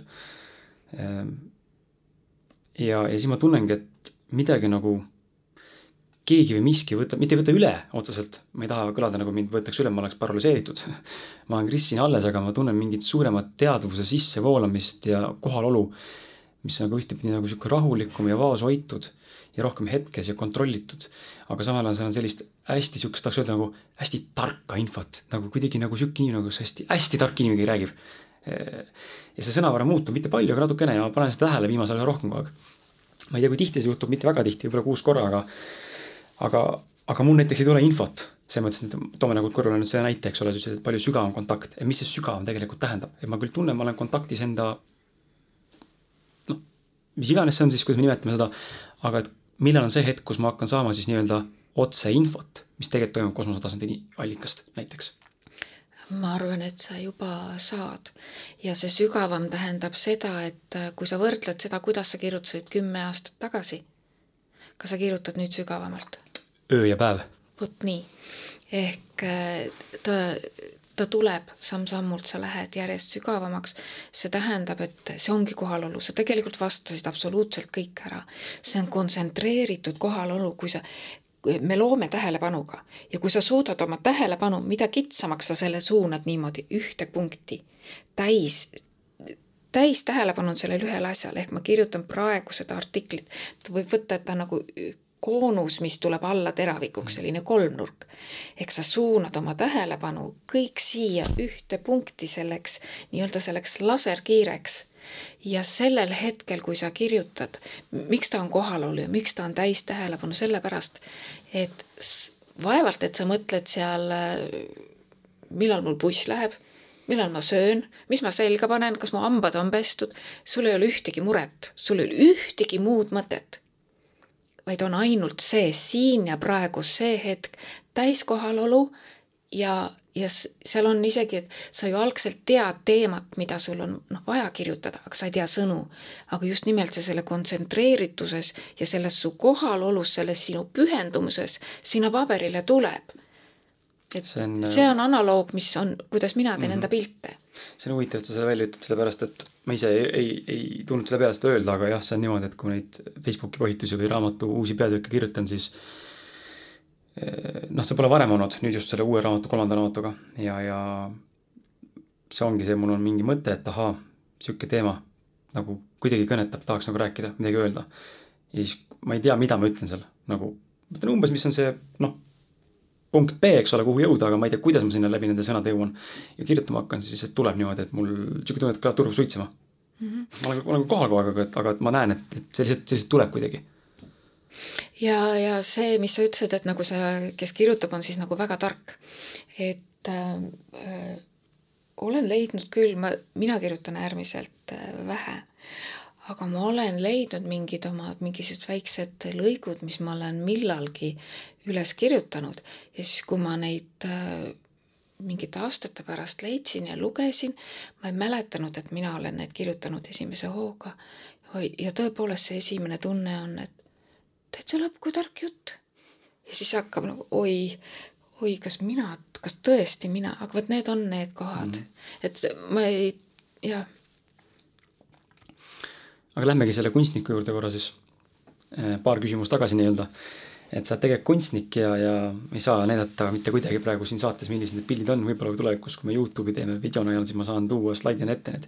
Need on tõesti ilusad ja, ja ma tean, et on inimesi, keda jätab külmaks ja ma tean inimesi, keda see kõnetab väga et äh, see on, ma arvan, iga, iga asja puhul niimoodi ja kindlasti siin võib-olla on ka teine energeetiline tasand taga, võib-olla mitte, et siin nüüd kaitsta või õigustada, aga ma arvan, et väga suur konflikt on ka selles, et kui me ei ole võimelised energeetiliselt nagu infot vastu võtma, siis võib tekkida see tunne, et ah, ja siis mul, mul savi, kole, mulle ei meeldi. Äh, mina lihtsalt arvan, et igaks asjaks on õige aeg mm. -hmm et siin ei ole õiget ega, ega valet, ega keegi ei pida, pea midagi ära tundma või mitte ära tundma mul on nende tiitlitega natukene keeruline, et ma, ma ei pea ennast kunstnikuks, mul ei ole üldse sellist tunnet, et kui siis noh, nagu koerad on krantsid, et ma olen see krantskunstnik, et ma ei tea, millal kunstnikuks saab ja millal mitte ei saa. ma tean seda, et ma teen lihtsalt mingisuguseid pilte. ja, ja seesama, noh, see laiendatud teaduse seisund, et mulle, mulle meeletult meeldib neid teha, ma sukeldun sinna sisse, ma ei tea, mis sealt tuleb. Ja, ja siis, kui see pilt on valmis, siis mul tõepoolest on selline tunne, et mina ei teinud seda, see tekkis sinna arvutiekraanile, sest äh, mu lõuend on, äh, lõuend on arvutiekraan ja, ja pintsel on äh, hiir. et ta tekib sinna. Siis ma, mina vaatan, et kes see tegi. aga nende joonistamise või, või ma ei tea, kuidas seda siis graafilise no, disaini ju, tehes, kas sa ikkagi oled ise hetkes kohal või, või pigem on see, et sa, see kaobki nagu nii-öelda anuteadvus või teadlikkus nagu kaob nagu, läheb nagu korraks nagu mingisse teise seisundisse? No see on sama küsimus, kui sa seda artiklit kirjutad mm, -hmm. sa tegelikult ju ei kaota ennast. ei ole võimalik olla arvutis, teha midagi, et sa oled täielik mm -hmm. uhuu. sul peavad olema meeletud tehnilised teadmised ja täis, täis kohalolu, noh, igal sammul. et selles mõttes loomulikult ma olen seal füüsiliselt kohal, teen, aga kogu see, kus kus otsast ma ütlen, et ma ei tee, on just nimelt, et mis sinna pildile saab, et kui ma hakkan, see pilt saab valmis, ma hakkan nii-öelda, ma ei saa ka öelda, et ma hakkan teda energeetiliselt lugema, ma ei hakka mitte midagi, see kõik toimub just täpselt. nii et mul see tuleb teadmine et ma ei tunneta üldjuhul sellisel kujul, mul tuleb teadmine, ma lihtsalt tean, et siin pildil on see ja siis, kui ma vaatan, kuidas ta midagi nagu toimib või kogu see protsess, et siis, siis see info, mis on seal pildil, vot see on nagu hämmastav, sest mina ei pannud seda sinna teadlikult. Et näiteks mul on selle aasta kalendris, ma teen oma töödest, noh, kalendri panen kokku, et nad oleksid füüsilised pildid, on detsembri pilt, mis on nagu noh, ütleme, et äh, ülivõimas, aga see, mis ta on, sain ma teada siis, kui ta oli valmis. ehk ma ei kavanda ette selliseid asju. küll on, kui ma panen sinna geomeetria, ma tean näiteks ülitäpselt, mida ma panen. ehk see, selles mõttes ma olen osaliselt ma olen väga teadlik, mis ma sinna panen, aga mis ta kokku teeb, seal on ikkagi nii palju avastusruumi, ma teinekord vaatan mingisugune pilt, tegin selle a la seitse aastat tagasi ja siis vaatan, oi, aga siin selle pildi peal on veel see informatsioon ka, ma polnud sellest üldse aru saanud mm. -hmm. aga kaua sul üks selline joonis aega võib võtta? see on nüüd hästi keeruline küsimus et ma olen teinud ka üksjagu pilte inimestele, nii, nii et inimene soovib näiteks ütleme enda ähm,, kuidas ma ütlen, enda päris olemuse pilti. ehk äh, need on ka erinevad äh, tasandid, kus tekib individualiseerimine, kus tekib, et äh, miks üks inimene on selline, näiteks miks sulle meeldib kirjutada, aga mulle sobib tegelikult rohkem rääkida, ma mm, -hmm. ma ei saa kirjutada mul hakkab siis keeruline. et see, see sõltub nagu koodist, milleks keegi on, et äh, kui ma neid äh, noh, olen teinud ka isiklikke pilte. ja nüüd ma ei mäleta, mis ma pidin rääkima. ma tulen äh, vahepeal selle juurde tagasi, et siinsamas SoundCloudi kirjelduses on siis Anu koduleht kus saab neid pilte näha ja Facebook on ka sul just olemas, kui ma ei eksi, kus sul on mingid pildid nähtavad, et siis saate vaadata, et praegu, kui me sellest räägime, et siis võta see lahti ja, ja, ja vaata, et siis saad aru, millest räägitakse, et äh, seda ei saagi kirjeldada, sellepärast et äh, kui sa kirjeldad seda, et sa kirjeldad või joonistad, tähendab minu päris olemust, siis ega sa ei joonista inimest, vaid sa joonistad äh, ma joonistan kvaliteete ehk teatud omadusi ja mida ma veel piltidele panen, ma panen teatud kosmilisi seaduspärasusi ehk kuidas peab, et äh, kogu, miks inimkond ja planeet äh, ja väga palju muust äh, nii-öelda universumist, kosmosest on jõudnud sellisesse seisu, nagu me oleme ja see ju ei ole siin lill, on see, et see on korduv ja korduv energia väärkasutus. ehk ma panen sinna selle jutu, kuidas peaks.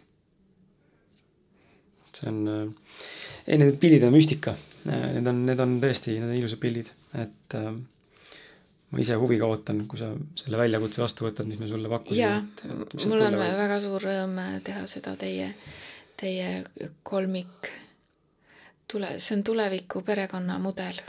kas äh, kui sa veel ei tea, eh, tähendab veel, täna on kakskümmend kaheksa detsember tõenäoliselt, kui ma õigesti arvutasin praegu, siis äh, et täna see pilt veel saadaval ei ole, aga, aga ma arvan, et uue aasta esimeste kuude jooksul see kuskilt tuleb ja, ja ja usun, et Anu lubab mul seda ka teiega jagada, et siis äh, saate seda näha, mis sealt tuli ja, ja kõik on jagamiseks. on võimalik mõista ja, ja, ja seda, sellesse rohkem süveneda. aga sa mainisid seda uue perekonna äh, muster. mis sa selle all praegu täpsemalt silmas pead? ma pean äh, seda silmas, et äh, kogu see, kogu see seis, mis on praegu äh, planeedil ta on nüüd jõudnud äh, sellisesse äh, kohta, et kui, kui üldjuhul on olemas ähm, tuleviku ajaliinid, siis äh, praegu on selline arengust stsenaarium või areng ei ole isegi, see ei ole nagu õige, sest tähendaks, et seal kõrval on kohe alaareng. aga ütleme, et sellest seisust edasiliikumise stsenaarium. ja seal on erinevad tulevikuvariandid. ja kuidas nüüd siit edasi liikuda, see, seda tulevikuvarianti ei ole.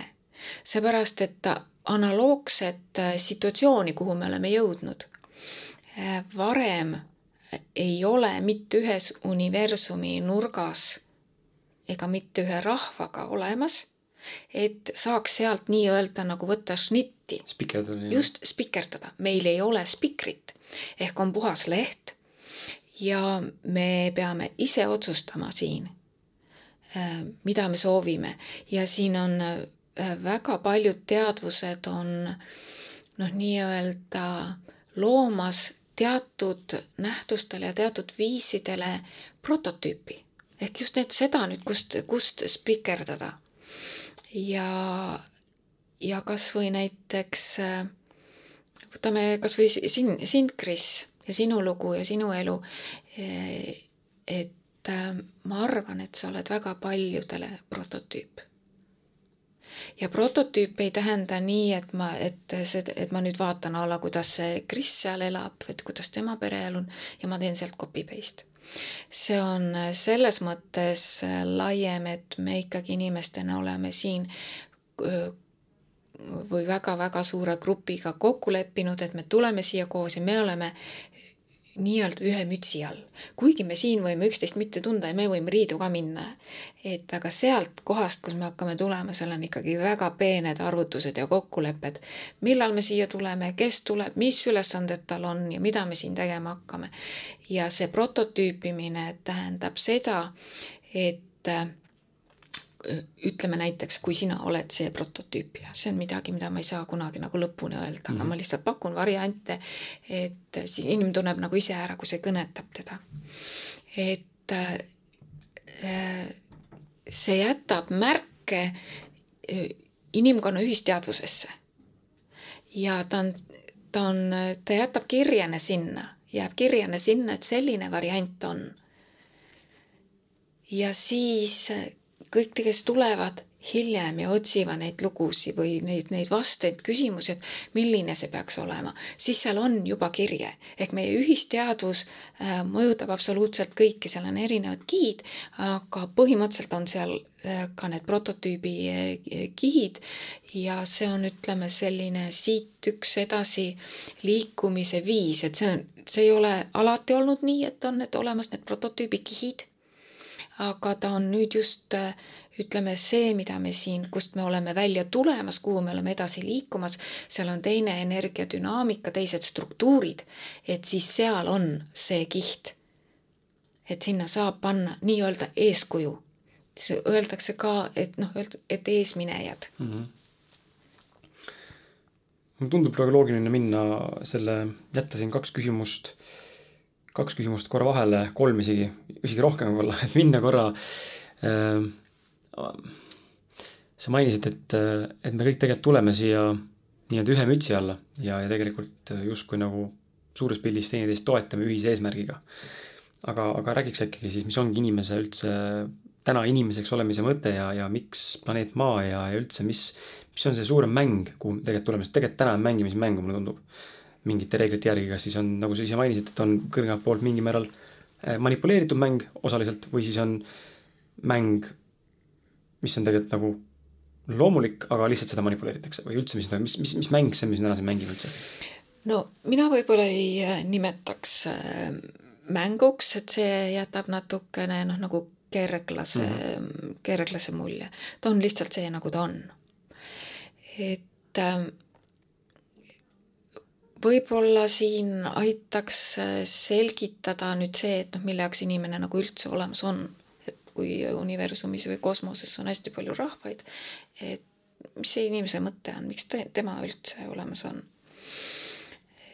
loomisel on äh, printsiibid ehk äh, luua saab nii, et mitte kedagi mitte kunagi ei kahjustata vaid kõik on äh, kõige kõrgemaks kasuks, kõik on äh, toimiv. ja siis on võimalik luua ka vastupidi, ehk see tähendab, et on vaba tahe. ja minu jaoks eksisteerib, ütleme siis nagu see looja tahe või jumala tahe ja siis on vaba tahe. ehk see jumala tahe on alati see, et äh, keegi ei saaks kahjustada. et kõik kõigi kasuks ja siis võib vastupidi luua ja see vastupidi loomine on äh, vastu Jumala tahet, kuigi ta on vaba tahe. ta on, ta on vaba sees, et äh, sa võid äh, valida ükskõik, kuidas sa soovid. ja aga kuna kosmoseavarustes valiti, ma arvan, et Jumalale endalegi üllatuslikult seda nii-öelda mittetoimivat valikut valiti luua mittetoimivalt. ma ei tea, kas see tundus äkki põnev.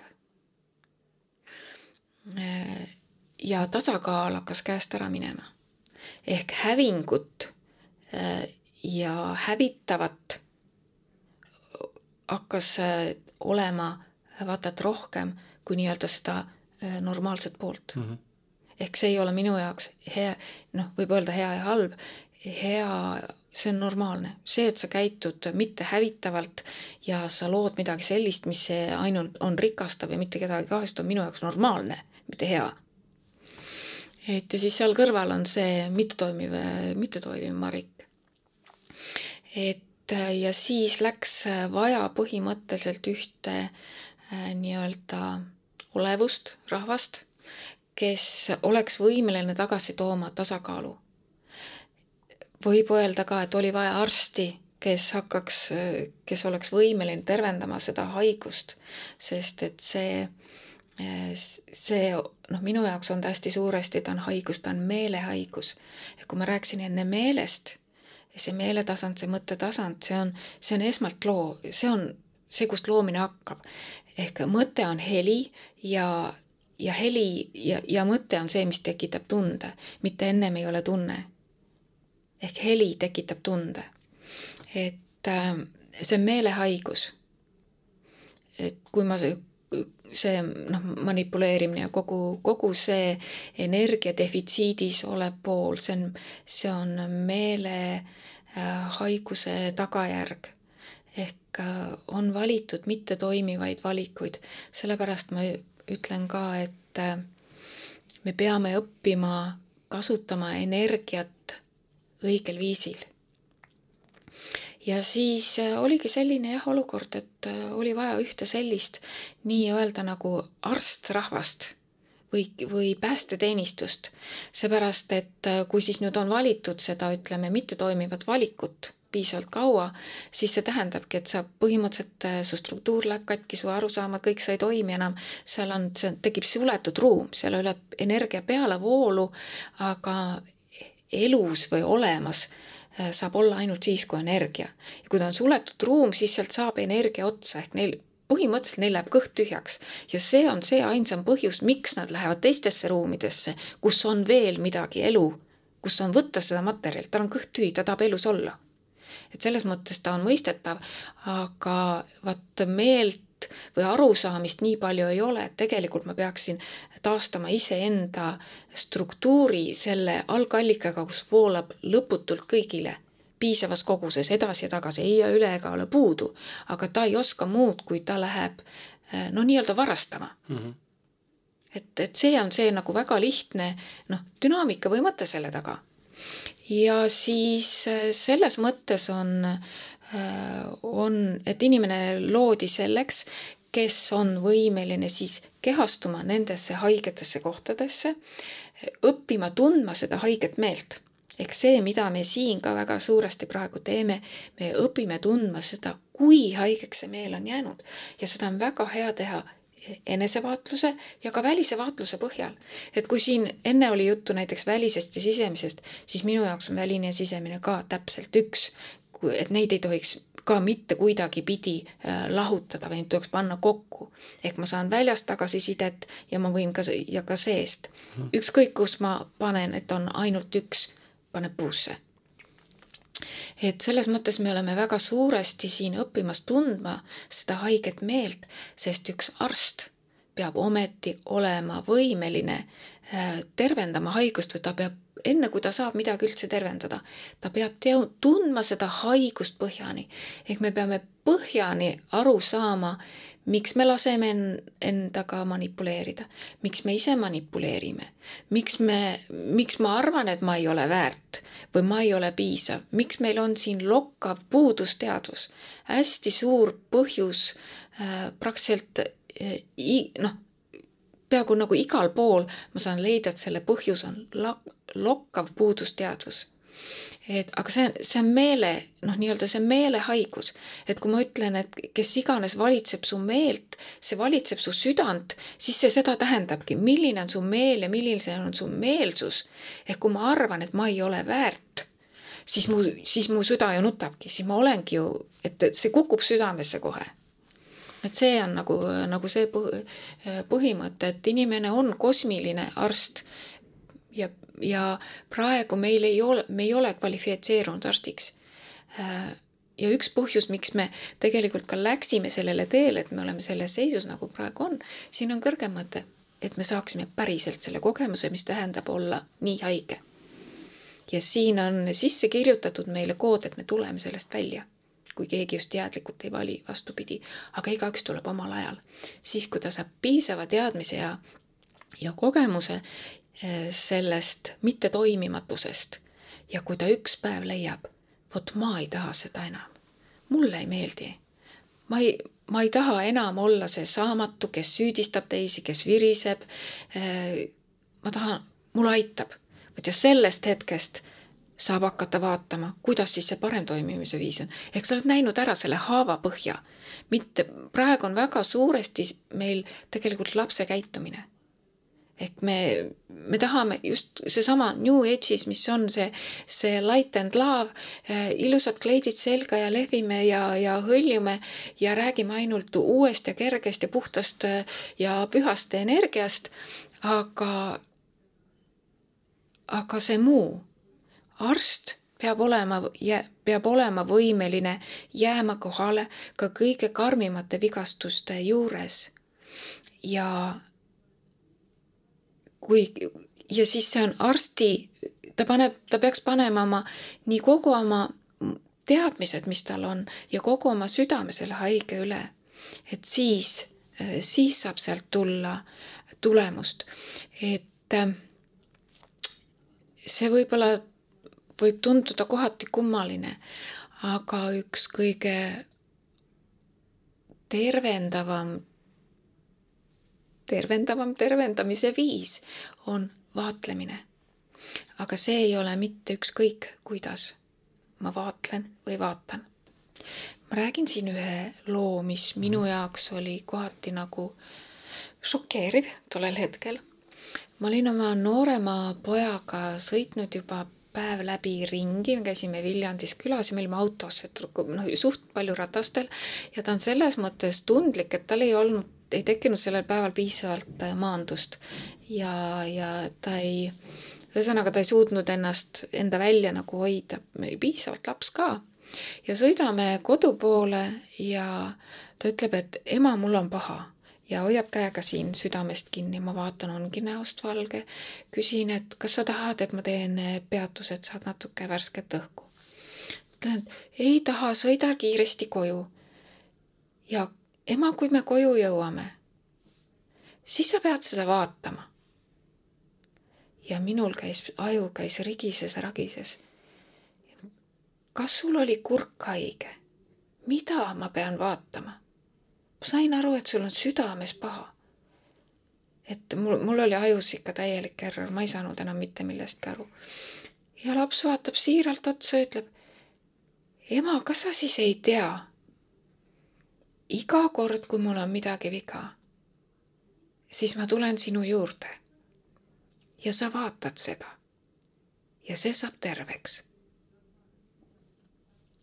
et see, kuidas vaadata mis, mis tunne see on, kuidas ema vaatab oma last, ma ei vaata ju silmadega. mul ei olnud õrna aimugi, et ma teda vaatan. aga see tähendab seda, et ema paneb täiega oma südame lapse häda üle. ja see on, see on kõige-kõige tervendavam jõud universumis üleüldse, ema armastus, et ema paneb oma südame üle et see on siin keskkonnas olnud väga puuduolev energia. et energiatel on oma teed, oma liikumised, oma signatuurid. et see on kolmeteistkümnes energia. ta on esmakordselt, saadi seda sõlmida siia planeeti, kinnitada äh, elementaarsel vähesel määral aastal kaks tuhat kolmteist. et ma ei imesta, et see arv on kolmteist, sest see on selle kõrgem taevane või jumalik ema armastus number kolmteist, kui põlu all on see siin olnud? aga see on see päris armastus. miks on meil tahetud ära võtta see number kolmteist? jäägu igaühe enda vastata. see on jah huvitav, et äh, mitte nagu sellesse teemasse süvitsi sisse minna, aga huvitav ongi, et just see, see manipulatiivne ja vandenõu pool kasutab kolmteist numbrit väga palju ja meil on kolmteist ja reede ja kõik need kuidagi käivad sellel käsikäes millegipärast, et see on nagu jälle mulle näitab, et võib-olla sina, armas kuulaja, veel sellist, seda, seda taipamist praegu nagu ei teki, mis mul tekkis, aga ongi see, et nii palju on seda vast-, nagu loomulikku on vastupidi pööratud. just täpselt, aga see ongi, see on, see ongi see. aga kes meid lõi siis, sa mainisid korra, et me, meid loodi, kes meid lõi? või mis äh,? Loomine, loomise printsiip on selline, et kui võib-olla on arusaam, et see kesk, keskpunkt või jumal, ta loob äh, individuaalselt absoluutselt kõik olemasoleva siis mina tean, et on teisiti, et ta loob ühe kihi allapoole, see nullpunkt hakkab tulema, ühe kihi loob allapoole ja, ja siis see kiht loob edasi. ehk äh, kui ma siin elus äh, ja kui mingi printsiip kehtib näiteks kusagil universumis, siis ta peab kehtima ka siin ja vastupidi, kui siin on mingi printsiip, siis ta kehtib ka ülevalpool, see on alati nii nagu üleval, nii, nii nagu all. et ma, ma väga suure osa oma arusaamast saan selle põhjal, et ma tegelikult vaatan vaatlen, kuidas siin elu käib ja siis toon, teen loogilised järeldused. ehk äh, ma tean, et seda, et luua on võimalik äh, üks kiht allapoole äh, või siis põhimõtteliselt ütleme iseendast allapoole. aga meie siinne kõige kõrgem looming on laps laps on meil ju nii-öelda nagu allpool või ta on järeltulija, mitte üldse halvas mõttes allpool, aga ta on järeltulija, ma loon äh, ma loon endast nii-öelda noh, nagu edasi teda. ja minu laps loob oma lapsed. mina ei saa luua oma lapselapsi, isegi parema tahtmise juures, aga see on loomise dünaamika ja see kehtib absoluutselt igal pool, et äh, üks kiht loob ühte, mina olen üks kiht, siis mu laps on järgmine kiht, ta loob järgmist kihti. ja, ja siin ei saa kihte vahele jätta. ja ma ei saa ülespoole ka luua ma ei saa luua oma vanemaid, oma vanevanemaid, mitte. et see on reegel. et selles mõttes seal on tasandid ja, ja teadvused. Äh, ma mul ei ole olnud kunagi sellist huvi, äh, selliseid konkreetseid fakte teada. mul on olnud alati oluline põhimõte, põhimõte, kuidas midagi toimib äh, läbi elu on, kui ma oma küsimused, mis mul on olnud mu enda sees, see üks küsimus, mis need kõik kokku võtab, on, on see, et kuidas tekib pilt. ehk see elu. kui see, mida mina näen, kuidas see pilt, mida ma näen, see elu, mida ma näen oma silmadest välja, kuidas see tekib, millised seaduspärasused siin on, mis kord siin on, kuidas see siin nüüd selline on et see on olnud, ehk mus on hästi sügav soov olnud teada saada. juba kasvõi sellest äh, lapsest saadik, et kui mulle tundus see nii õudne, siis lihtsalt mingil hetkel, et kuidas on juhtunud, et me oleme jõudnud sellisesse kohta, kui ma tean ometi, et peaks olema teisiti. ja sealt aastaid-aastaid on mu see endas olnud nagu hästi suur vastuolu selles mõttes, et ma olen ära tahtnud lükata kogu selle halva ja ma ei taha sellest mitte midagi teada ja ma põgeneksin ja, ja mida iganes. aga ma millalgi mõistsin, et see on täiesti haige suhtumine minus, ehk mu meel on selle koha pealt täielikult haige, et tegelikult arst ei viska kitlit nurka ja ei jookse ära või ei hakka kosmeetikuks, kui ta tegelikult on arst et võtta pigem siis võib-olla vastutus nii-öelda selle eest, et äh, võta vastutus ja, ja noh, mind ei hirmuta ka see tänapäeval mitte üks raas, äh, sellepärast et äh, minu jaoks on, see ei ole isegi teadmine, vaid mm, kuidas see teine sõna on? teadvustamine. et ma olen, ma olen teadel, ma olen teadlik, teadlik on see õige sõna, ma olen teadlik. tea-, teadlikkus ja kontakt iseendaga on see, mis annab täieliku kindlustunde täieliku äh, äh, ütleme, vabaduse. veel, mis ma, ütleme, et kui ma tean, et see teooria hirmutab inimesi, võib meeletult hirmutada. et mu eesmärk ei ole mitte mingil kombel kedagi hirmutada. Äkki leevenduseks sobib äh, selline lugu, et äh, meie planeet siin ja elu, see, mis siin on, on minikoopia sellest, mis on universumis. kõik, mis on siin, on seal ka. meil on siin äh,, meil on siin sõjad, meil on siin haigused, meil üks riik ründab teist. aga meil on siin ka väga ilusaid kohti. Meil on siin oi-oi kui suurepäraseid inimesi. kas me kardame siin elada? kas me oleme nii hirmunud, et me üldse hakkama ei saa? ei, kui ma tean, et ma ei lähe praegu sellesse riiki, kus on sõda ja kogu moos. või kui ma pean minema sinna riiki, kus näiteks on lokkav malaaria või jumal teab mis haigus, siis ma valmistan selleks ette. ja jälle kogu lugu. Ehk siin ma tean, kuidas kuidagi käituda. ja, ja kõik muu on tegelikult täpselt sama siin ei ole mitte midagi hirmutavat. küsimus, see lõpeb sellel hetkel, kui inimesed teadvustavad ja panevad oma mina keskuse paika. ehk mina olen ja minuga ei manipuleerita. mina tean, kuidas asjad on, mina iseenda jaoks pean asjad tegema selgeks, mitte, ma ei saa seda teha mitte kellegi teise jaoks. See saab olla ainult niimoodi, et kellegi teise arusaam või maailmavaade, kui ta mulle sobib siis see saab aidata mul endal leida üles. ehk kui sa kuuled näiteks, sa said minust aru mingis kohas või sa tunned, et sa saad nüüd asjast paremini aru, siis see tähendab seda, et seesama koht, seesama tee, teadmine aktiveerus tegelikult sinus. sul läks selle koha peal tilk DNA-d jälle rohkem kokku.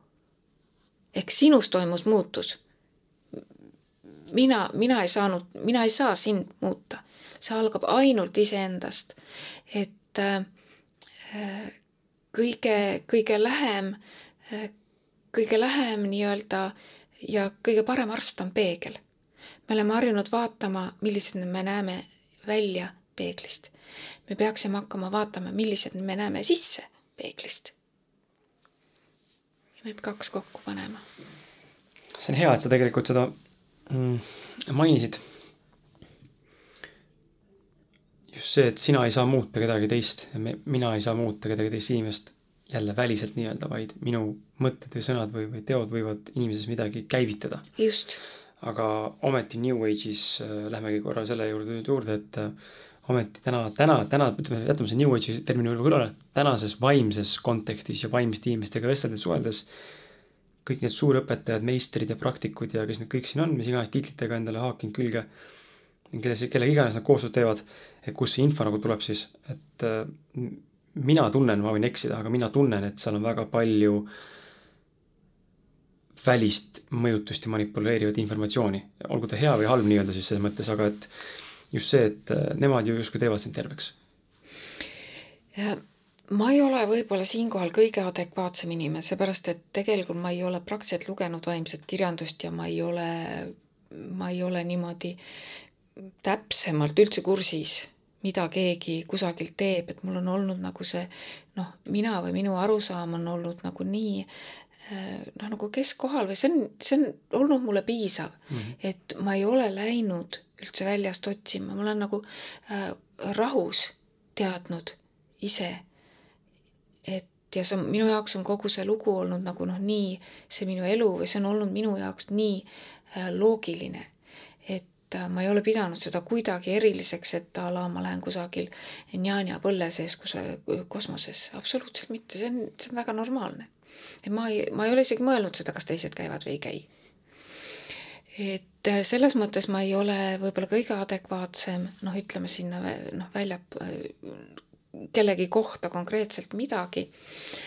Äh, kui ma võtan nüüd selle, selle teooria, et keegi teine saab teha et kas see nüüd kehtib ma ei saa seda ka visata päris üle parda. et kõige suurem tervendaja, jäävtervendus on siiski see, kui sa ise teed.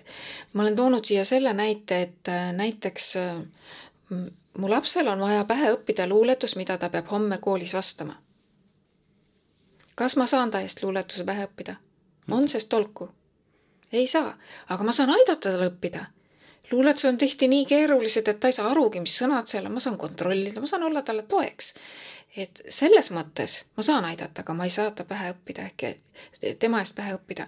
aga siin on arusaamu, mis toovad nagu päris tervendused, need, need peavad minu pähe jääma piltlikult ütles, ehk need peavad saama mulle täiesti omaseks see on minu elementaarne käitumine, täiesti spontaanne käitumine, noh näiteks, et see, et ma ei hävita.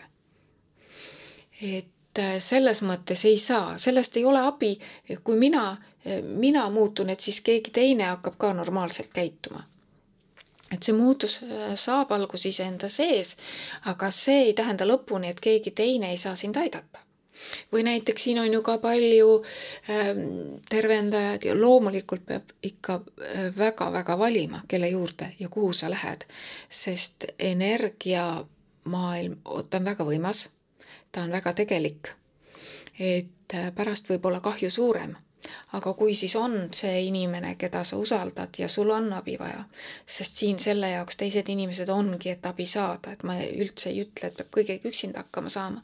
see põhimõtteliselt tähendab seda, et näiteks ütleme, see, mida ma iseendas tahan eh, tervendada, paneme selle pilt, paneme selle pildiseks ja ütleme, et see on et mul on vaja, vaja ära vahetada teatud minu maja kandev eh, post aga kuidas ma seda üksinda vahetan?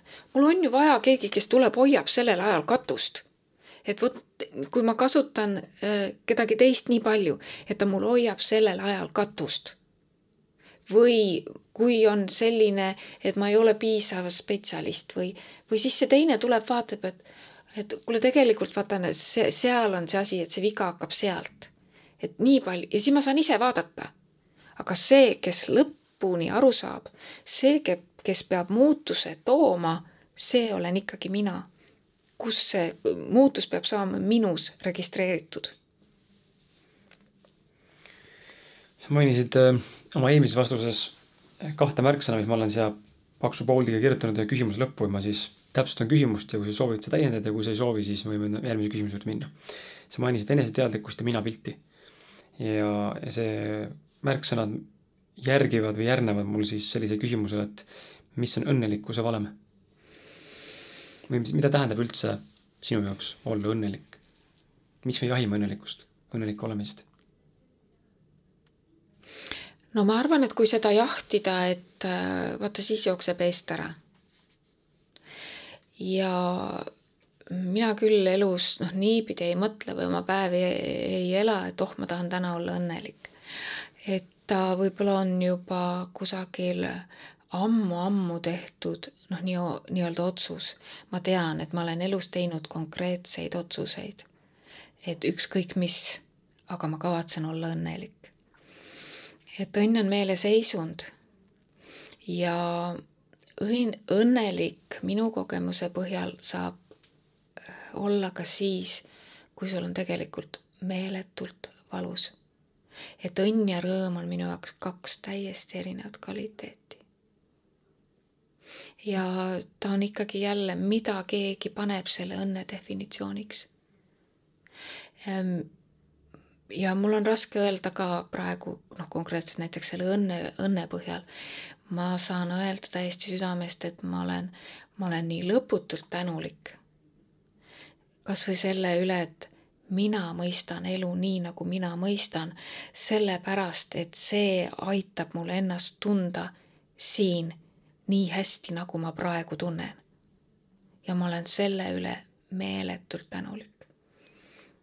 et mul on selline mõistmine, nagu praegu on, sellised arusaamad, nagu praegu on ja ma olen ka tänulik selle üle, et mul on, et ma ei ole täiuslik et mul on nii pikk maa minna, et mul on sinna sügavust ja laiust leida veel küll ja küll ja küll.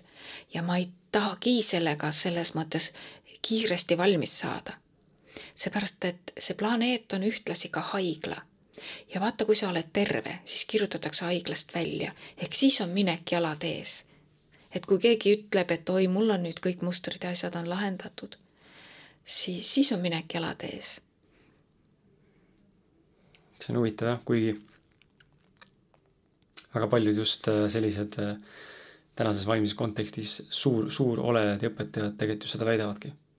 et nendel on kõik korras. Nemad teavad kõike. Las nad väidavad, mul on, mind nagu need kohad nagu üldse ei, üldse selles mõttes ei sega, et ma luban neile, noh, luban neil olla mm. -hmm. seal oli, mul on olnud etappe, kus ma olen jauranud, et mida nad jälle räägivad, mida nad jälle teevad, aga ma olen saanud selle ära korrigeerida, et mul on tulnud sinna üle rahu. siin on, siin on, mul ei ole ükskõik mul ei ole absoluutselt ükskõik, mul on väga konkreetne oma selles mõttes seisukoht, ehk ma tean, kuidas on normaalne või noh, vähemalt nii palju, kui ma tean, kuidas on, kuidas on normaalne, kuidas peaks olema, aga siis ma, siis ma vaatlen seda kohta, kuidas ei peaks olema. ja sellel vaatlusel, mis tundega sa vaatled, kui ma nüüd panen sinna hukkamõistu, siis ma suurendan seda katkist kohta. aga kuidas see ema vaatab oma lapse katkist kohta ehk ma võtan praegu, mind on hästi palju aidanud see koht, et kui ma näen, et kusagil väljas on midagi sellist just nimelt vaimses maailmas, mis tegelikult on nii, et oi-oi, see ei peaks nii olema, siis ma mõtlen selle koha peal, aga kui see inimene on minu laps minu enda lihane laps kirjutab ja postitab midagi sellist ja pakub inimestele noh, tegelikult sellist, mida mitte mingil juhul üks tasakaalus ja teadlik inimene ei tohi pakkuda, siis ma kõigepealt teen sellest inimesest iseenda lapse ja panen sinna selle suhtumise üle ja laps ja tema tegu on alati kaks ise asja. ehk ma tõstan ka eraldi, et on, et on see teadvus kes on jõudnud sinnamaani, et on haige sellesse kohta. ja siis vaatlen neid tegusid. ehk sinna meeletu, äh, see, see on nii, see on, see on kunsttükk, see ei ole üldse kerge ja ma alles avastan nagu ütleme seda, seda kvaliteet, kuidas selle hullusega siin nagu lõpuni hakkama saada. aga ma olen saanud esimese maitsesuu ja see on väga-väga palju vabastav, et ma ei taha tormata kusagile midagi, kellegi peenraid rohima, kellelegi ütlema, kuidas peab või kuidas ei pea, kes mida teeb või ei tee, et see hästi suur usaldus äh, selle elu ja, ja korralduse ja korrastatuse üle. ehk siin ma tean, et siin on sees see isekorrastuv valem. iga asi on äh, omal ajal õiges kohas. Või natuke hiljem. või varem.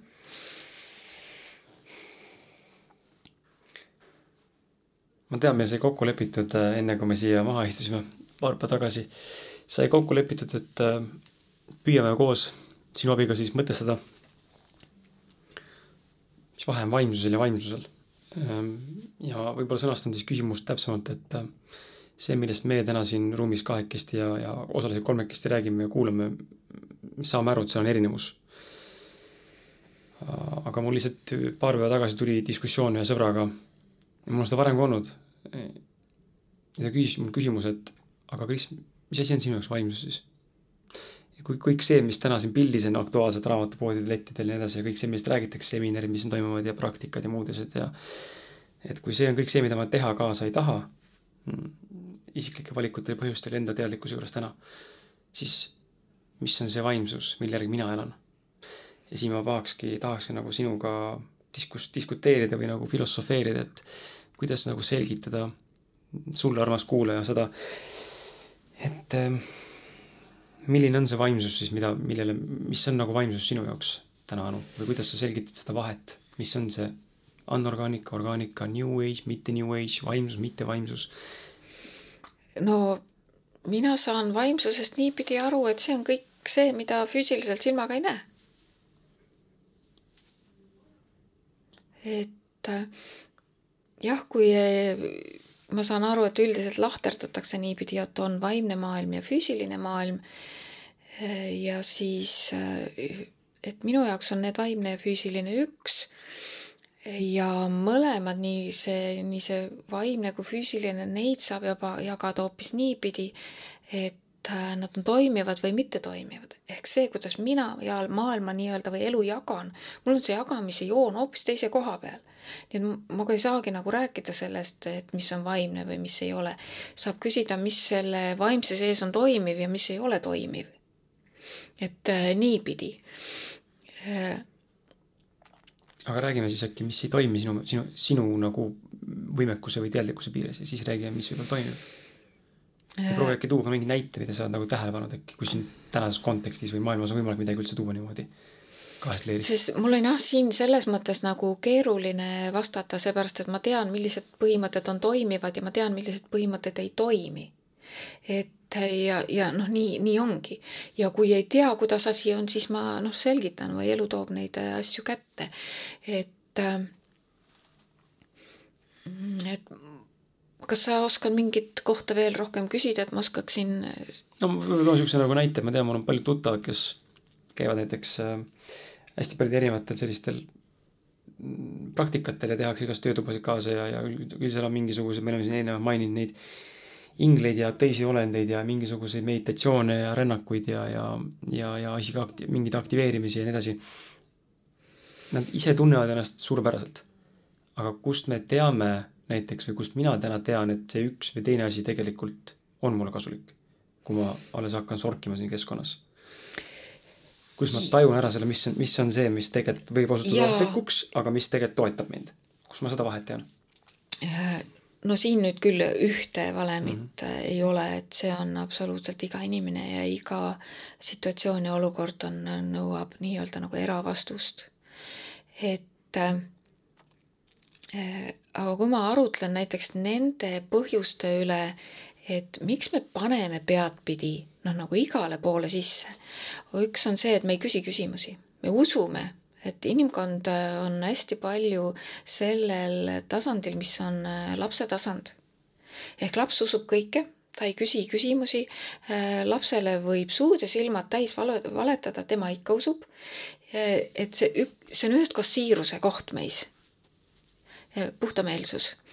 mida, mida ära kasutatakse? mida ära kasutatakse, et äh, iseenesest äh, on aeg nii-öelda nagu saada, et noh, täiskasvanud, et laps on see, kellega saab manipuleerida ja teine väga suur põhjus, miks me lähme igale poole kaasa, on, no ma enne ütlesin, lokkav puudusteadus, sest ma arvan, et mul on, mul on pidevalt midagi puudu ja seda vastust pole mus endas ja, ja see on kas, üldiselt on ta kas alaväärtus või üleväärtus.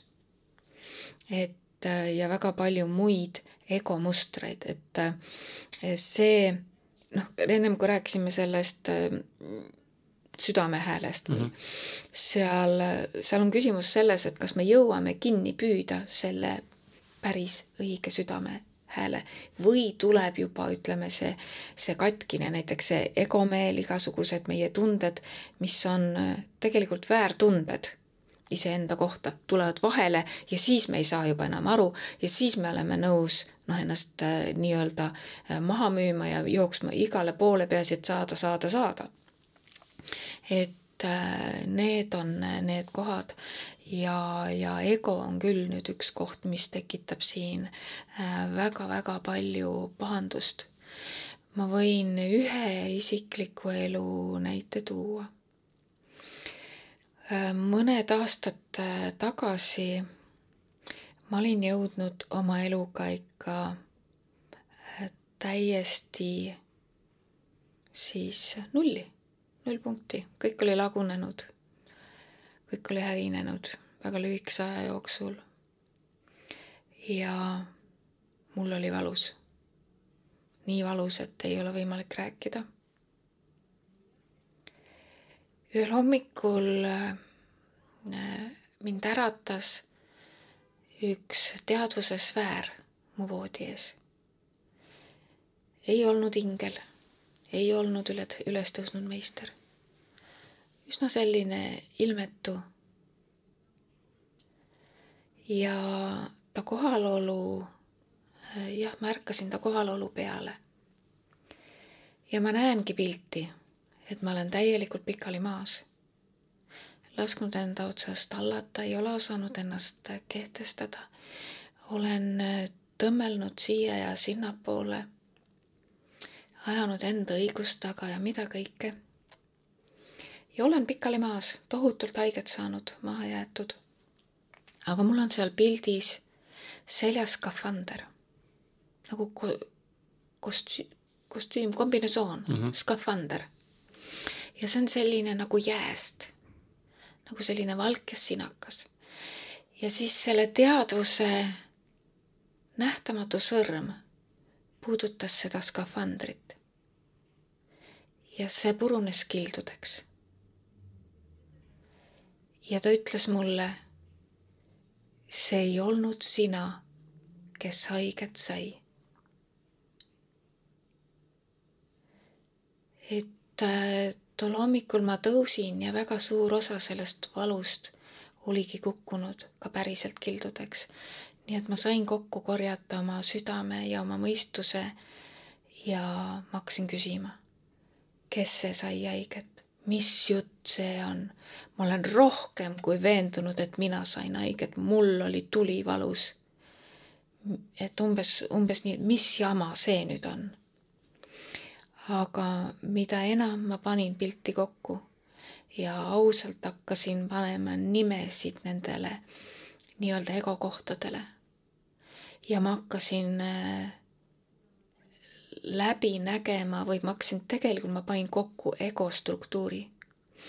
et äh, ego on äh, tehislik, pahatahtlik moonutis või kiht meie struktuuris ja ta on täiesti ka füüsiliselt olemas. Ja mul oli väga suur nii-öelda pildi kokkupanemine, kui mul tuli meelde Bruce Liptoni uurimus. Mm.. ehk see on põhimõtteliselt see, et kui arvati, et raku tuum on see, kes annab korraldusi, siis Lipton oma katsete tulemusena leidis, et ego ümber, ego ümber äh,, selle raku ümber on kiht, väliskiht, mis tegelikult saab äh, signaale ja selle põhjal toimib. et see on, kes annab korraldusi ja Bruce Lipton nimetab seda epigenetic overlay. ja mina teadsin, et selle asja nimi on ego.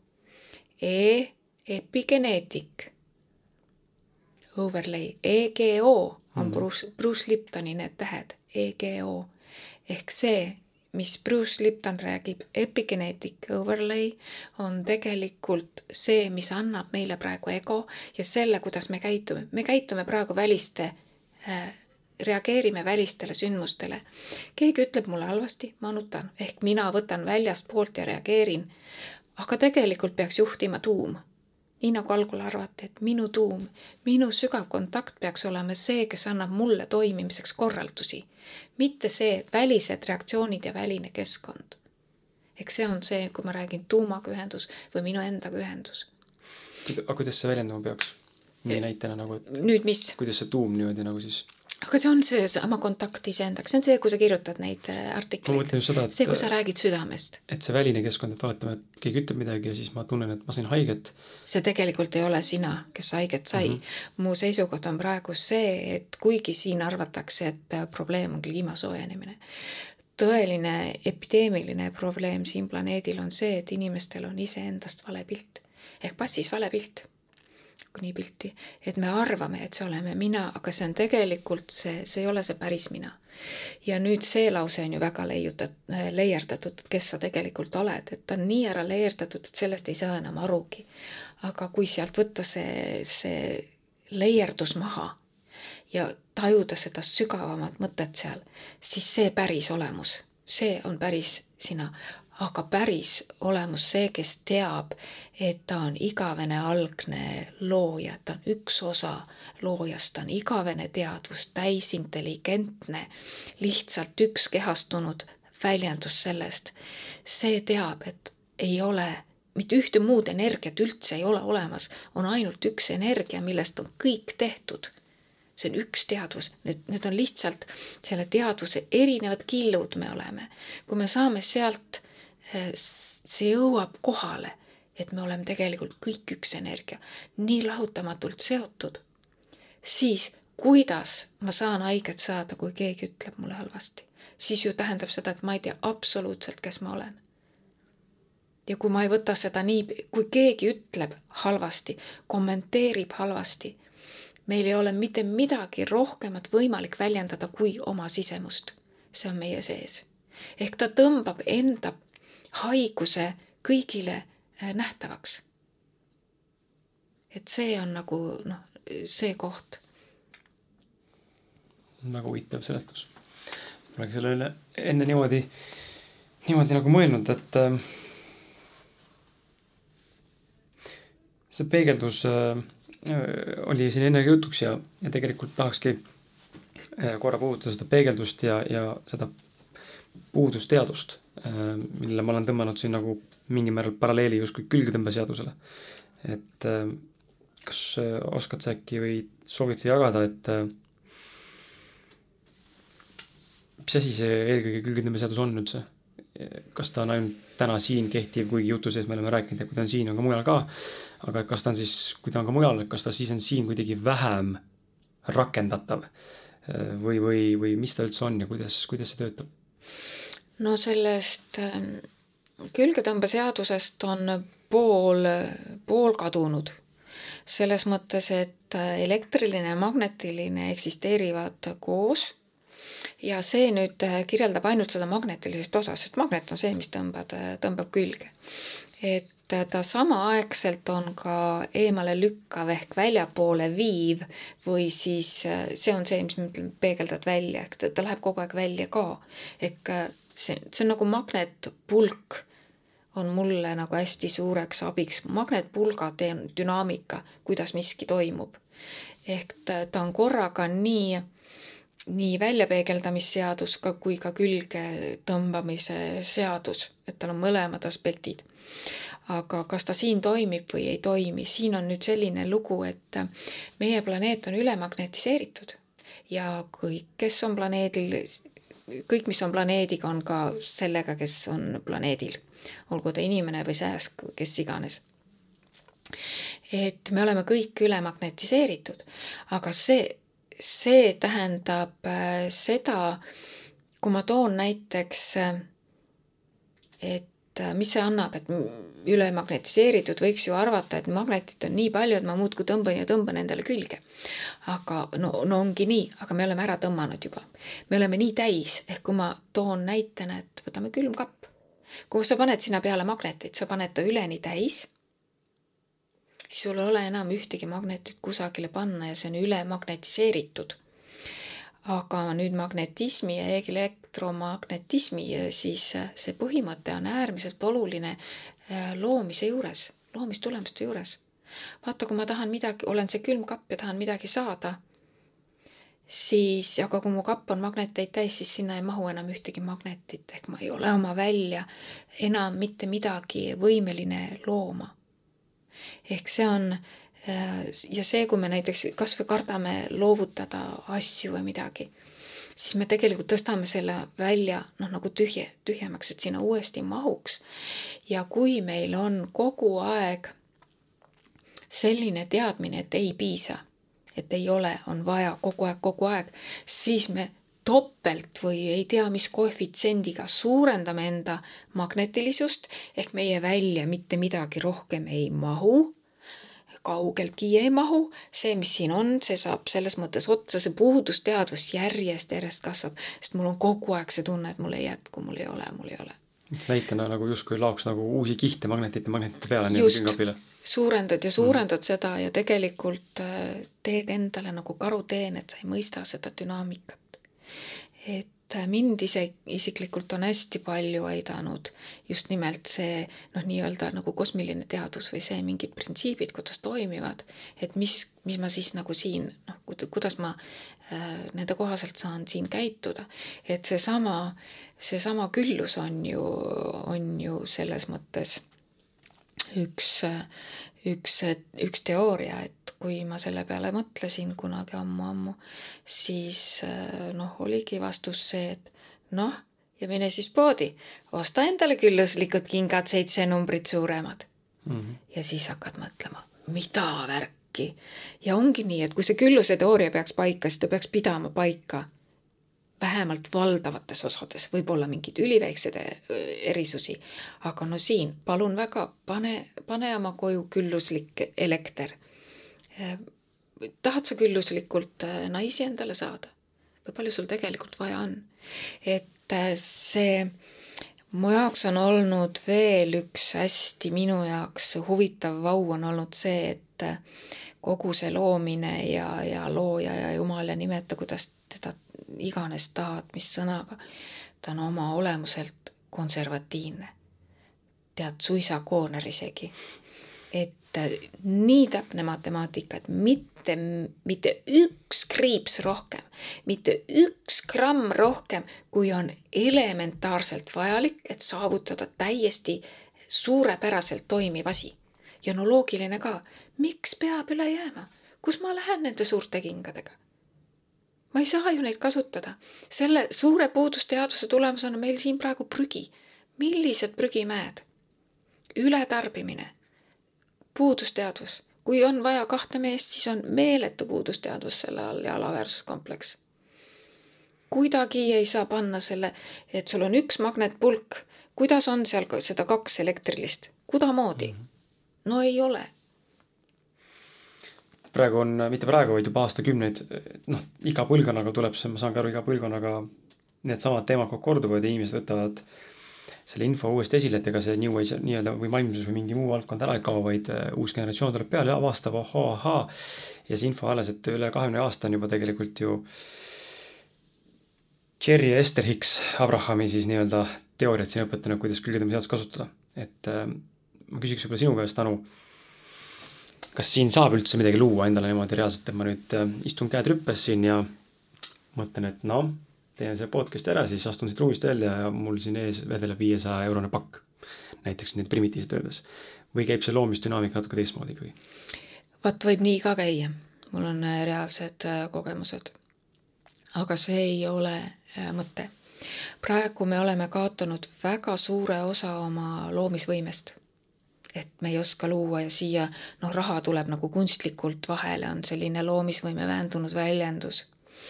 aga kui noh, kui ma nüüd räägin nendest kih-, sinu erinevatest kihtidest ja tasanditest, ma ütlen selle kohta tegelikult ei kõrgem mina ega mit-, midagi taolist, ma ütlen ülaliin mm. -hmm. et su ülaliin ja see oled sina ise. et kui su ülaliinud on äh, päriselt sinust äh, huvitatud, siis ta ei, ja tahab, et sa hakkaksid leiaksid iseendas üles selle, selles, selle koha ja selle teadmise, ma lu-, ma suudan ise raha luua ma suudan ise pakkuda oma perele seda ja, ja mida iganes. kui sa käivitad iseendas selle loomisjõu, vot see kasvatab meeletult seda minateadvust, enesekindlust, sest sa, see, sest siis sa tead, et sa saad hakkama. vot see on loomise jõud ja kui su kõrgem mina tuleks, paneks sulle praegu siia paki viiesajaseid ukse taha, siis see oleks pahatahtlikkus sinu suhtes sest siis ta võtab sult ära selle, et sinust kasvaks see tõeliselt toimiv Äh, enesekindel Kris. et siin on nagu see, see koht, et su see ülaliin hoolib sinust tõepoolest. et äh, võib-olla äh, natukene ma võiksin anda selles mõttes selgitust, kuidas vahet teha. näiteks on kanaldused mm -hmm. ja kanalduse tekstid.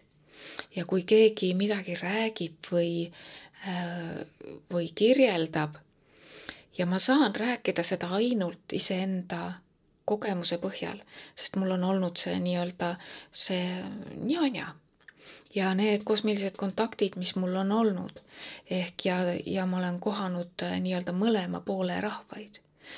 Neid, kes on sada protsenti joondu jumaliku plaaniga, neid, kes äh, on noh, nii-öelda normaalsed ja siis seda vastaspoolt. ja ma tean mõlema noh, nii-öelda käitumise eeskirju. Et äh, äh, ma olen väga vähe lugenud kanaldusi, aga ma olen. ja, ja ei ole lugenud sellepärast, et äh, mul, mul oli noh, nii-öelda see, mis mina teadsin ja minu kogemus on, tekitas mul nagu, nagu hästi suurt sellist noh, nagu imestust. sest kui kanaldus on selline, et ta hakkab, armsad, lubage meil teile nüüd seletada seda, teist ja kuuendat. kallid, te olete teinud nii suurepärast tööd, te olete nii palju arenenud aga ometi teie teadustasand praegu ei võimalda veel sellest ja teisest asjast aru saada. siis vot, minul jääb siinkohal süda või arusaam servi seisma. Äh, ma ei ole äh, kõikide nende aastate jooksul äh, kordagi kohanud seda, et mind moositakse ehk mulle öeldakse, et kallis, armas, mind ei kiideta ja mind ei laideta. mulle ei öelda mitte kunagi, et sa ei ole võimeline sellest aru saama.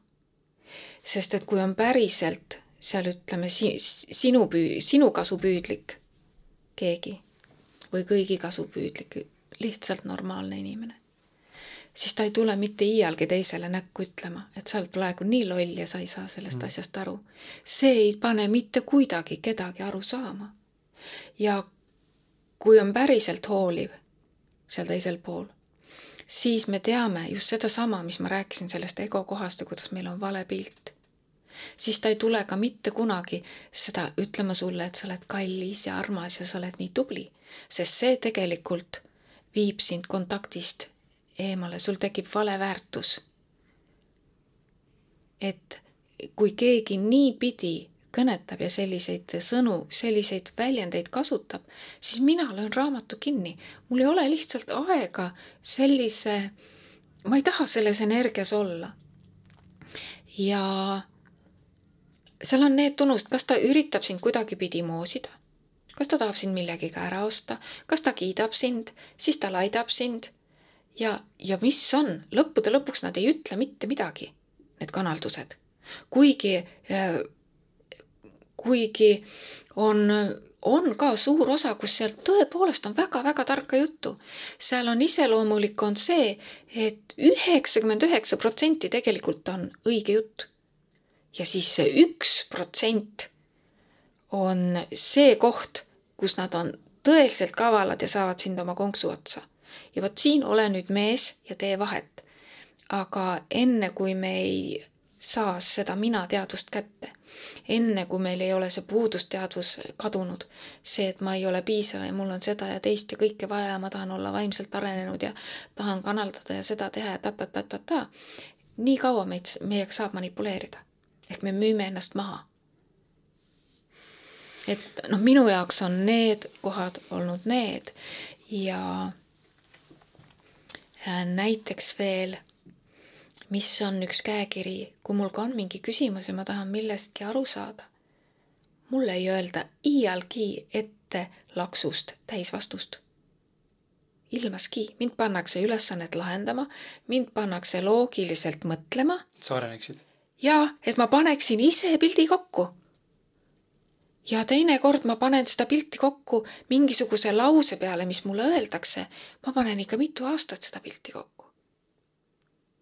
aga vastupidiselt praegu tundub, et enamikele tuuakse justkui kandikul see. kas tuuakse või ei, seal kandikul näiliselt nagu on mm -hmm. mitte midagi, aga siis ma hakkan vaatama, aga mis seal siis nüüd lõpuks oli. Aga seal oligi see, et kiideti seda, et inimene tundis ennast jälle uhkelt ja te olete ikka arenenud ja te olete nii tublid ja me kiidame teid ja kujutad ette et mis me, mis, mis on siin toimunud, on karjäär, mitte karjääriredel, vaid hierarhiaredel. et meil on praegu niimoodi, et ülemus ja, ja alamus ja kõik see rida tuleb sealt alla. see, see tegelikult on, redel käib horisontaalselt, mitte vertikaalselt.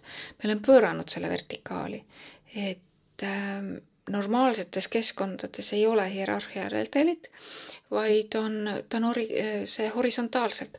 et igalühel on oma töö, oma ülesanne, siis vastavalt lepitakse kokku.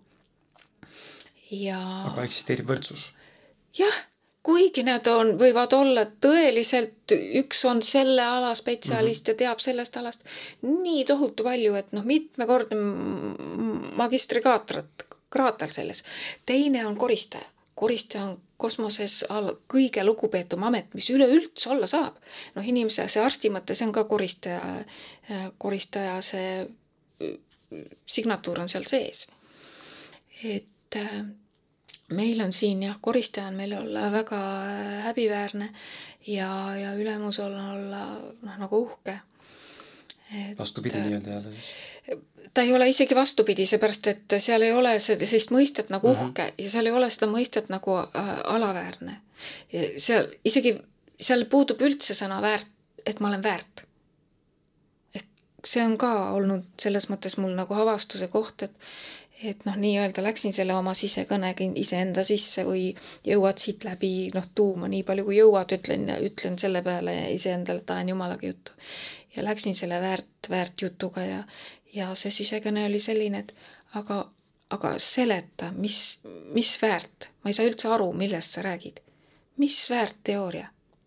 see tuleb ja ma, ma mõistan seda selles mõttes, et algul on ainult üks energia. See energiajäävuse seadus, mis meile koolis õpetatakse. et äh, energia ei teki millestki ega kao kuhugi, ta muudab ainult vormi. ja kui sa lähed sellesse aja ja ruumipunkti kus on ainult see energia ja mitte midagi ei ole veel loodud. ja see energia teeb iseendast iseendale, iseenda reeglite järgi, nii kuidas tahab. igav hakkas loob, siis kas ta teeb sellepärast, et ta on väärt, kui sa üksinda oled kodus või noh, üleüldse täiesti üksinda üleüldse, see väärt kontseptsioon, see laguneb nii käest ära, et sa ei saa sellest üldse rääkidagi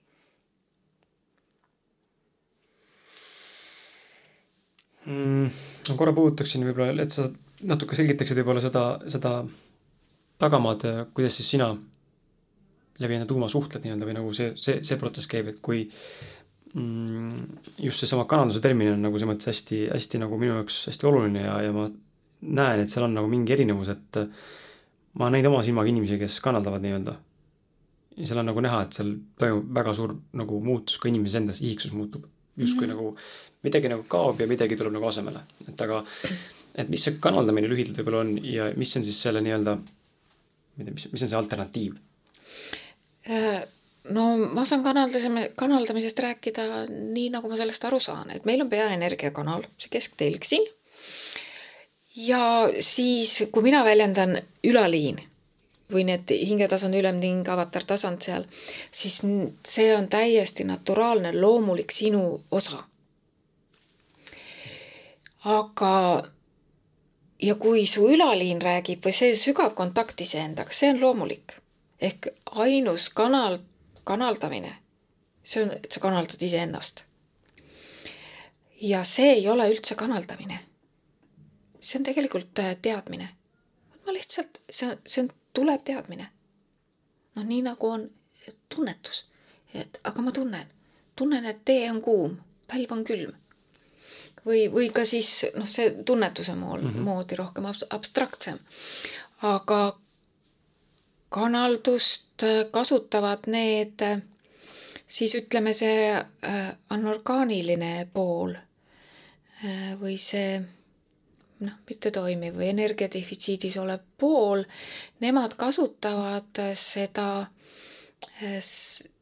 ta tuleb, moosib sind ära, räägib sulle ei tea mis jutu kokku, sina saad olla, näidelda siin või esineda kui tohutu targana, ajad äh, uhket kosmilist äh, juttu, aga sellel ajal see, kes seal, kelle suust see nüüd tekst tuleb või kelle peast see teadvus, teadmine tuleb, ta lükkab sind välja ehk ta tuleb ise sinu kanalisse ja sealt kanaldab ja see on võõras.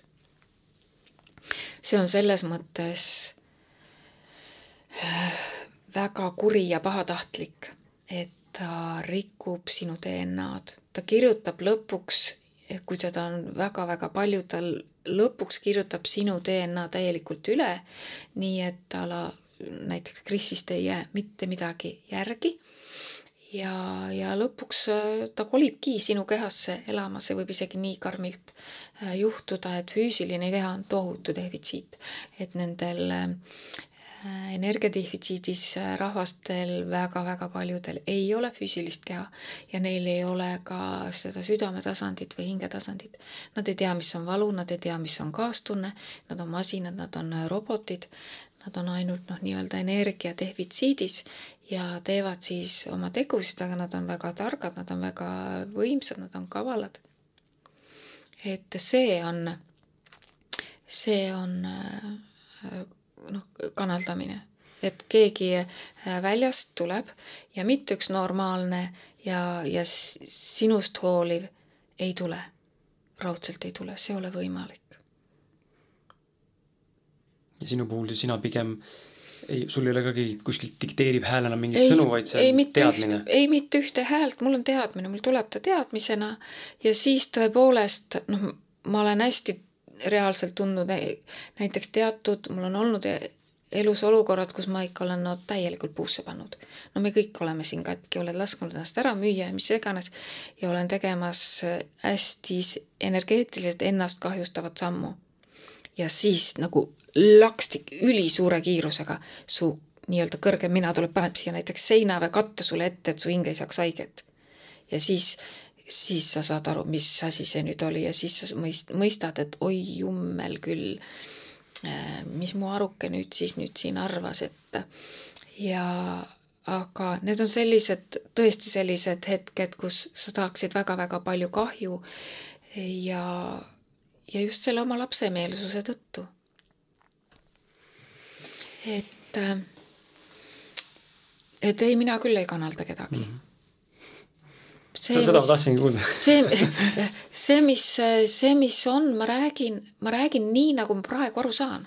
ma, ma ei pretendeeri tõele mm. -hmm. see, kuhu ma olen jõudnud, see on kõik eelkõige aidanud mind ennast. ja kui kellelgi võiks, kedagi see toetab, siis, siis, siis toetab kes arvab, et on täielik jama, see peaks laskma ühest kõrvast sisse, teisest välja, et see on teine minu printsiip et kui mulle midagi ei sobi ühest kõrvast sisse, teisest välja ja mina lähen edasi, võtan selle osa, mis sobib. mis mind toetab, kust ma sain paremini aru, tore on ja, ja edasi. selle kalanduse juurde soovitaks ühte filmi, ma ei tea, kas äh, te ise olete näinud seda, aga, aga ta ei räägi otseselt kalandusest, aga ta räägib sellest kalanduse viimasest nii-öelda väidetavast siis faasist, kus on see totaalne ülevõtmine film nime, inglise keeles on siis The Host, eesti keeles Keha. see on siis videviku saaga loojatelt üks aasta kaks tuhat kaksteist äkki filmid ilm, ilmunud film tähendab, kus siis ka tegevus on lühidalt sihuke, et äh, planeet Maad, noh juba kirjeldatakse niimoodi seda filmi nagu sihuke treiler on ka, et planeet Maad on võtnud üle tulnukad, kes on tulnud meie kehasse elama, inimese teadvus on siin sees hing, aga ta on nagu dormant ehk siis nagu ta on nagu mm -hmm. vaigistatud. ja siis on need pupillid muutunud teistsuguseks ja nagu noh, see on nagu illustreeritud näide, tuua nagu näitena, aga just see, et film hästi näitab, kuidas tegelikult mingi teine rass eksisteerib meie keha sees. ja seal nagu seal filmis näidatakse ka, kuidas teadvus siis tuleb siukse nagu valgusobjekt, noh mingi illustreeriva pildina. aga et on näha, et nagu teadvus tuleb inimese sisse ja siis inimene muutub. aga tegelik mina on vaigistatud mm. -hmm. et see film on hästi-hästi. ja see plaan, see plaan on jah aga noh, näiteks ütleme, mida saaks anda veel nagu noh, nõu või, või mis, mis minu mõte on? Just, just näiteks, kes siin räägivad, ütleme, inglite ja, ja, ja üles tõusnud meistritega ja et küsima peaks, küsima peaks, kes on ingel miks tal on selline struktuur, mis ta päris nimi on ja, ja kust kogu, tohutult palju peaks küsima. üles tõusnud meistrid, mida see üldse tähendab, millal, miks selline tiitel, kust kohast, mis. Äh, mina tean niipidi, et näiteks siin on asutus äh, ÜRO, Ühinenud Rahvaste Organisatsioon, on äh, kosmiliselt noh, põhimõtteliselt analoogne organisatsioon, kus on äh, siis tõepoolest need normaalsed rahvad. ja seal on konventsioon leping, äh, kokkulepe tegelikult, et äh, mitte keegi, kes on vähegi, kelle vähegi süda sees, kes on normaalne, kes päriselt inimesest hoolib, ei nimeta ennast mitte iialgi. ingliks üles tõusnud meistriks ja ei tea kelleks veel nimeks, mis siin on levinud. mingi tiitliga nii-öelda? mingi tiitliga, mitte ühe tiitliga. mitte keegi, isegi kui su loomulik väljamaa nägemine on ala meie mõistes uhke ja ilus. mitte keegi ei näita ennast siin äh, uhke ja ilusana, sest et siin on laps laps, kes on haige ja hädas, inimene selles seisus, et on laps haige ja hädas. kas see on normaalne, kui sa lähed ühe lapse juurde, kellel on puudusteadvus, kes tegelikult tahaks endale meeletult ilusat kleiti, siis sa lähed selle juurde suur, tark ja ilus ja paned endale kleidi, uhke kleidi selga ja tiivad külge. see on nii julm, kui ma mõtlen selle peale. aga inimesed usuvad. Lähme jälle kanaldame ja teeme. et ma ei taha öelda, et ei ole nii-öelda kaitseinglit või see ingli teema absoluutselt üldse ei toimi.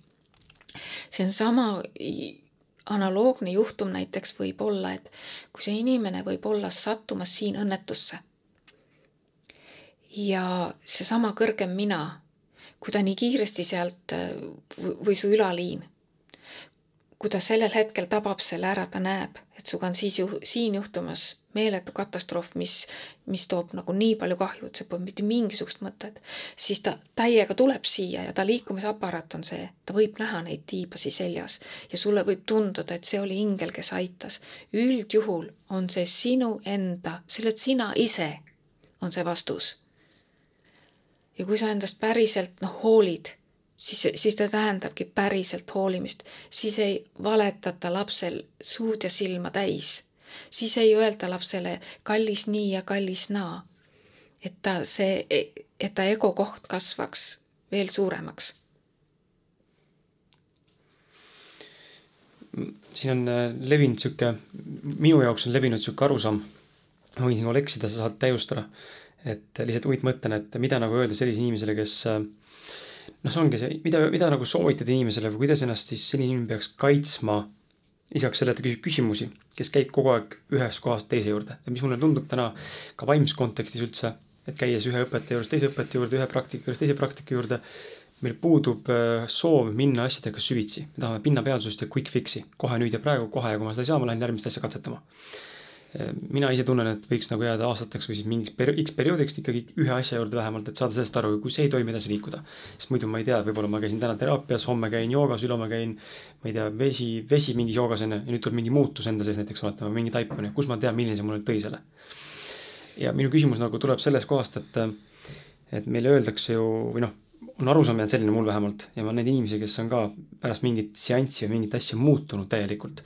et meile justkui midagi antakse aga teiselt poolt nagu võetakse. et see nagu alati ka vastupidi, mitte see, et ma lähen ja muudkui saan, kihvt ja tore, läheb paremaks. aga minu küsimus on see, mis meil tegelikult ära võeti või ära, või mis me tegelikult vastu andsime. ilma me ise tegelikult nagu teadvustaks endale seda. et kuidas nagu seda nagu presenteerida inimesele, et inimene hakkaks mõtlema, et kas, kas ja kuidas tegutseda? et äh, jah, väga keeruline selles mõttes äh, vastata äh, kõigepealt tuleks väga sügavalt iseendalt küsida, miks? miks ma arvan, et mul on seda vaja? mis mul puudu on? mida ma sealt saada tahan ja mi-, millises kontekstis mulle sealt seda lubatakse, kui ma tean tegelikult, et see noh, see on minu sees, et kas see nüüd puudub, kus see nüüd ikka ava äh,, avab, et äh, seal on hästi palju seda käekirja, et ma tahan kohe ja kähku ja kiiresti hakata toimimaks. see, seesama, et ma tahan kohe ja kiiresti ja kähku äh, vaimselt areneda, on see põhjus, miks me praegu siin oleme, selle peale lendas Taara õhku ja kogu meie struktuur. me tahtsime kiiresti ja, ja juba eile tahtsime olla vaimselt üliarenenud. et me kordame seda sama äh, viga äh,. et äh, ma nüüd ei ütleks seda ka, et mingi teooria juurde peaks a la kümneks aastaks mhm. jääma. et peab ikkagi nüüd panema mõistuse ja südame kokku ja vaatama, mis sulle sobib. ma selles mõttes olen jälle kehv, kehv äh, nõuandja, et äh, mulle pole kunagi mitte midagi sobinud, pole kuskilgi käinud. ja, ja mitte selles mõttes, et ei ole sobinud, vaid mul ei ole üldse olnud äh, sisemist vajadust noh, nii-öelda kusagile minna. on olnud üks periood, kui ma otsisin jah, teatuid vastuseid ja, ja tellisin endale internetist kolmkümmend erinevat vaimse sisuga raamatut kokku, noh, loen ühte, viskan nurka, ma ei saa siit vasta vastust, loen teist ja siis äh, need on siiamaani lugemata, et ta ikkagi, ma jõuan, noh, minu, mul lihtsalt on see düna-, dünaamika minu endas, et kui ma küsin ja kui ma küsin südamepõhjast, vot see on valem. kui ma päriselt tahan midagi teada ja siis küsin, siis ma saan sellele vastuse. aga ta tuleb mul just täpselt a la sellena, et no leiangi ennast, et olen nüüd siin kosmoses mingisuguses ruumis ja antakse mulle neid pulkasi kätte ja pane neid nüüd siis nüüd kokku või midagi taolist. või, või kui mul on mi-, kui midagi vaja mõista, siis mulle öeldakse see noh, teatud või mulle noh, ma tean seda, ma, see mingisugune lause, mille põhjal noh, ma panen ise, hakkan seda pilti kokku panema ja ma saan sealt vastuse. et äh, tõenäoliselt mul on ka nii teistsugused küsimused, et ega ma väga ei saakski vastuseid koolitustelt, et mm -hmm. üks küsimus oli, kumb oli enne ruut või ring. ma pole leidnud seda koolitust, kus sellest oleks räägitud. et äh, ja küsimus, muideks sa al-, alustasid ühe koha peal oli, et see on rumalad küsimused tead, ma olen leidnud, et mida rumalamad küsimused, seda geniaalsemad vastused. et ruma-, rumalad küsimused ikka väga väärt küsimused. meil hakkab äh, aeg vaikselt otsa saama. ja, ja ma küsiksin sult ühe viimase küsimuse ja siis annaksin sulle veel mõelda mõtteaineid, mida sa tahaksid veel jagada, kui täna jäi midagi puutumata. aga viimane küsimus puudutab siis äh, valgustumist ja ülestõusmist, sest et see on ka niisugune hästi populaarne termin täna ja, ja ma tean, paljud inimesed räägivad sellest ja paljud nii-öelda valgustunud meistrid ja ülestõusnud meistrid räägivad sellest, mis kogemus see on ja mis see tähendab. mina ei ole mitte ühegagi, nii nagu sa praegu kirjeldasid, mitte ühegagi mitte kunagi resoneerunud, nagu ei, ei, ei teki seda kontakti. ja, ja minu küsimus oleks siis see, et et meie saates me oleme täna siin päris palju tegelikult rääkinud sellest, et rõhku panna iseendale, tööga, iseendaga. ja, ja iseendasse vaatamine ja see, see peegeldus iseendale sisemises kontekstis ja ka väliskontekstis aga just see sissepoole elamine nii-öelda või minemine, et äh, sa, mis see, mis see ülestõus tähendab üldse? ja, ja kuidas, nagu, mis see, mis see siis on, ma saan aru, et sina täna ei ole võib-olla kogenud ise seda samamoodi, et võib-olla ei oska nagu seletada, võib-olla oled, ma ei tea, aga et nagu, mis see tähendab ja kuidas see siis nagu, mis siis juhtub?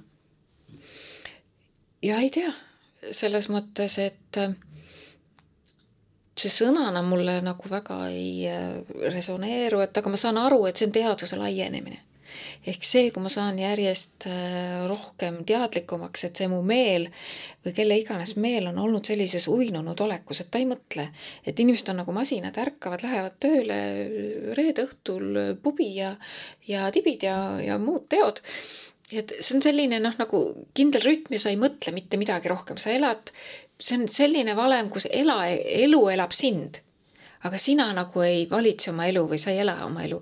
ehk äh, kui need arusaamad mm, toimimisest ja elust hakkavad muutuma, et siin on elus midagi palju enamat, kui ma siiamaani olen arvanud, et seda saab mingis mõttes äkki äh, selleks nimetada, aga ta, ta minu jaoks on see, et me ei tõuse üles, me ei lähe mitte kuskile eriti just äh, isegi kui mingisuguste teatud ajalooetappidel see oli äh, noh, nii-öelda adekvaatne ja normaalne ja eks see väljend sealt pärit on, ta praeguse, praeguste meie võimaluste ja valikute juures on see, et ma laen alla iseenda selle kõrgema teadvuse. Ehk see ülaliin, kes praegu ütleme, tuleb ainult mõnel konkre-, hetkel või siis teatud hetkedel, kui ma tõeliselt südamest küsin, äh, ma saan sealt noh, nii-öelda vastuseid, mis mind äh, rahuldavad. et see oleks siin järjest rohkem kohal. ehk mitte, et sa ei koge ainult teatud nendel kirjutushetkedel seda, vaid et sa hakkad seda järjest enam ja enam täiega kogema, noh, võimalikult, võimalikult rohkem ka tavapärastes tegevustes nii-öelda? just tavapärastes tegevustes ja, ja ega, ega lõpuni ei ole noh, ka vaja, et tava, tavategevusi saab väga hästi teha ka väiksema teadvusega. et aga ikkagi see osa, nad on just hästi palju arusaamad, see, kuidas me elust aru saame, millised on need toimimise dünaamikad, et läbi näha need kohad, mis, mis mind ja kõiki inimesi üles tõstab ja kasvatab. ja, ja mis hävitab, kuidas hakata nendel vahet tegema, eks see küsimus on hästi suuresti, et kuidas ma tean, mis on orgaaniline ja mis on anorgaaniline või kus, kuidas ma tean, mis on siis normaalne ja mis on ebanormaalne. või mis on toimiv ja mis ei ole toimiv. või mis et, toetab ja hävitab mind. just mm, -hmm. jah.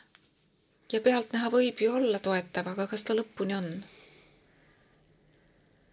mis saab pärast surma? Nojah. Äh, kahtepidi vastan, kahest, kahest seisukohast. Äh, ühest küljest on surm minu jaoks miniuni või vastupidi, just äh, magamine on minisurm ma olen juba hakkan ära väsima. ehk kui me lähme õhtul magama, siis see on nagu väike surm mm.. ja nüüd vasta ise oma küsimusele, mis saab pärast surma. Ehk mis saab pärast seda, kui sa lähed õhtul magama? ärkad uuesti üles. vot just. et aga selliselt laiemalt vaadates on surm üks haigemaid nähtuseid, mida mina tean. et äh, normaalne oleks, et ma võtan, kui ma tahan mingisugusesse teise keskkonda minna, siis ma võtan äh, kõik kaasa. ka füüsilise keha? just nimelt füüsilise keha, sest et äh, kui ma enne ütlesin, et Jumal on äh, kooner ja, ja konservatiiv, siis ta on ka veel täielik korranõudja. see, et sa keha jätad siia maha, tähendab, et sa tegelikult lagastad seda keskkonda ja sa jätad prügi maha ja sa lõpuni ei saa edasi, kui sa oma sellele prügile siia järgi ei tule. ma ei taha üldse arvata, et keha on prügi -hmm. keha on üliülioluline, aga põhimõte on selles, et sa ei jäta mitte kusagile oma juppe maha. väga hea eh,. Anu, sinu viimane sõna enda reklaamimiseks või, või lihtsalt midagi öelda, mis su südamel on, mis sa tahaksid meil lisada siia. ja siis sellega, sellega me lõpetamegi tänase vestluse jah, ei reklaamida, mulle üldse tähelepanu, tähelepanu ei meeldi. aga, aga siiski meil on ju Ainariga juba tegelikult kümme aastat või kauemgi noh, nii-öelda oma, oma punt, kes me käime koos ja teeme webinare ja seminare. ja kui kedagi peaks huvitama mis, mis me teeme, siis meil on uus koduleht ja see on kaksteist punkt.org. nii nagu kuus on, aastas on kaksteist kuud, nii nagu ööpäevas on kaksteist tundi, see kaksteist on ka nii-öelda inimese see täisarv või, või see täiuslikkuse arv ja org meie jaoks tähendab siis orgaaniline või loomulik, et et seal on, seal on mul praegu selle aasta kalender ja me tegime sinna meililistiga liitumise vormi, meil ei ole seda ennem olnud. et kui ke-, kedagi huvitab, mis me teeme, siis võib lihtsalt liituda emaili listiga ja, ja siis me anname, me anname teada. et mul ei ole mingisuguseid tekste ega asju mitte kusagil internetis mm -hmm. äh, väljas. mida nendelt seminaridelt või ütleme sellisest siis teie poolt pakutavast äh, kommuunist või koosolemisest äh, võib nagu saada, mingid niisugused märksõnad äkki äsja, paar tükki? eks ta põhimõtteliselt ongi seesama, mida mina olen siin täna rääkinud ja mida, mida Ainar räägib, et äh, seletada seda üld, just seletada seda üldpilti ja näiteks, mida me oleme webinaridel käsitlenud ja sina muideks ka küsisid minu käest, äh, kui me eravestluses olime, kas siin on mingisuguseid muid seaduseid ka peale äh, peale selle külgetõmbeseaduse. et me oleme käsitlenud neid kosmilisi seaduseid, et absoluutselt kõik on seadustega ja seaduspärasustega kaetud. et see on täielik kosmiline õigusteadus ja neid ja olulisemaid punkte me käsitleme, üks punkt näiteks on suveräänsus ja seda peaks mõistma, see on enesekehtestuse ja enesetoimimise seadus, et sa tead, millised on su õigused isegi kui sulle tuleb keegi inglitiivul, tuleb midagi rääkima, siis kuidas, mis see tähendab, et sa pead ennast kehtestama, kuidas ta saab tulla mm. -hmm. et äh, seal on dünaamikad ja põhimõtted ja, ja väga-väga palju huvitavaid äh, seaduseid on universumis. õigusvastaselt võõrandatud vara tagastamine õigusjärgsele omanikule. eks see ongi see, et kui meie hinge nii et see plahvatuse tulemusena meie struktuur on läinud puruks või räägitakse siin hingeosade tagasi küsimisest. kui midagi läheb puruks, see ei vedele niisama kosmoses, keegi on selle ära korjanud mm. -hmm. ja sinu struktuuri osasi võib keegi pahatahtlik täiega tarvitada ja tarvitabki. ja siis see, kuidas kehtestada, kuidas neid otsida, kuidas neid tagasi küsida, kuidas neid nõuda, kuidas, kuidas sa pead ennast kehtestama, et ta selle sulle lõpuks tagasi annaks. ja et sinu ja väga-väga palju ja väga palju mida? kõike muud. ja sinu äh, kunsti kohta, kus me leiame?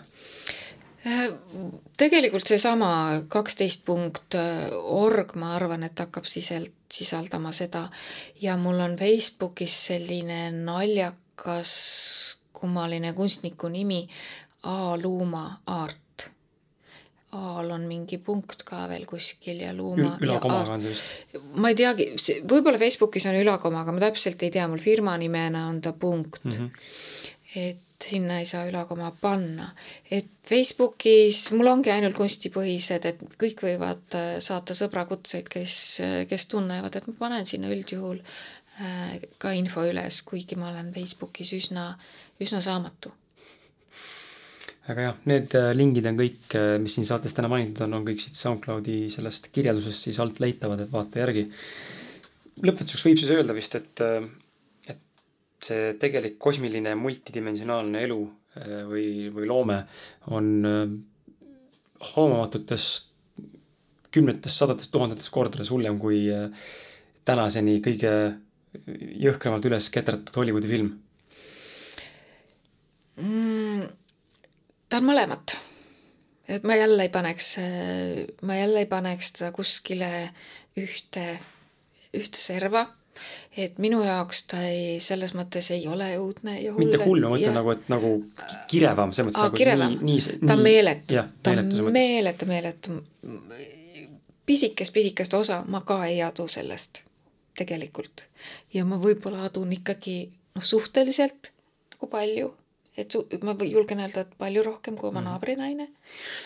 et aga ma adun tõeliselt vähe. ja see on nüüd see koht, et äh, mida rohkem sa tead, siis sa tead, kui vähe sa tead. jah, see on, see on huvitav. miks ma selle Hollywoodi lihtsalt tõin siia sisse korra, oligi sellepärast, et viimane nii-öelda üks suurimaid filme, ma ei tea, palju te ise vaatate, aga ma mõnikord satun vaatama mingeid siukseid, mis ma tunnen, et oh, seal on nagu sihuke kosmiline teema, oligi see Tasujate viimane film kus siis on ka need erinevad noh, nii-öelda kangelased, aga seal oli näha, kuidas olid ajas rändamised ja planeedid ja, ja galaktika, et tahetakse üle, igalühel on oma mingi agenda ja omad asjad, et see, see, nad ikka väga hästi maalivad tegelikult seda, mis tegelikult toimub. maalivad küll väga hästi ja siin võib-olla veel nüüd seda, et ütleme, see energiadefitsiidis olev pool või see anarkaaniline pool, seal on ju, kui palju seal on veel rahvaid ja rasse ja nad kõik ju kaklevad omavahel. nagu külakoerad selles mõttes, kes saab kondi, neil mm., neil on täiesti ükskõik, kust see energia tuleb ja mis pidi, peale, peaasi, et oleks. kas ees on mees nii-öelda? jaa, loomulikult mm., ehk äh, nad hävitavad üksteist seal äh, täiega, täiega. et siin, ma tahan öelda, et siin planeedil on elu sellega, mis ta mujal nii-öelda võib olla selles hullemas vormis, siin elu on ikka vä väga hea ja lihtne. et on olemas hullemaid keskkondi? oi kui palju hullemaid. et meil on vedanud veel aga see ei tähenda, et inimene peaks ennast kehtestama, ennast kohale tooma ja see on meie valida, kas me lõpetame selle või mitte mm.. elu ei lähe enne paremaks, kui me saame selles mõttes täiskasvanuks, võtame endale vastutuse, hakkame täie tõega asjadele otsa vaatama ja, ja näeme selle läbi. ja see ei ole minu jaoks hirmutav. aitäh sulle, Anu! ja tänu äh, sulle ka, Kris, ja ma kõigile kuulajatele soovin eh, kaunist aasta lõppu ja järgmine aasta ma usun, et saab olema täiesti, täiesti teistsugune. et kaunist, kaunist järgmist aastat ja iseendaks olemist. et mina tänan.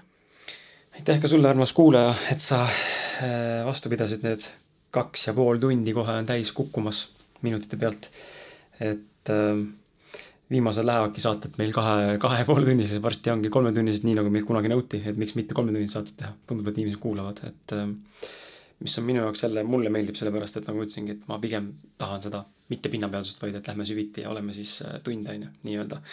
aga aitäh, et sa kuulasid ja, ja, ja ma usun, et siin oli täna väga palju mõtteid, mis sind äh, kõnetas ja, ja mõtlema pani ning sulle mingisugustki väärtust lõi ja loodetavasti ka sinu maailmapilti avardas ja, ja mõtlemist. ma loodan, et muutis, see pole küll eesmärk, aga ma loodan, et natukene suutis midagi sulle pakkuda uut. et äh, kui see sulle meeldis ja, ja sa leidsid siit midagi enda jaoks, siis ole ja tee mulle ja Martinile üks teene ning too üks sõber, kes võiks ka selliste äh, tänases saates siis teemade vastu huvi tunda ja ja sellega mu palle piirdubki ja et minu poolt ka häid, häid jõule uuesti tagantjärgi nii-öelda, ma eelmises saates unustasin soovida, kuna me salvestame ette, siis ma kunagi ei tea, millal saade välja tuleb. ja, ja ma soovin sulle head aastat samamoodi ja, ja, ja rohkemat sellist eneseteadlikkust ja iseendaks jäämist. ja, ja kohtume sinuga juba järgmisel reedel, kui mitte varem. tšau.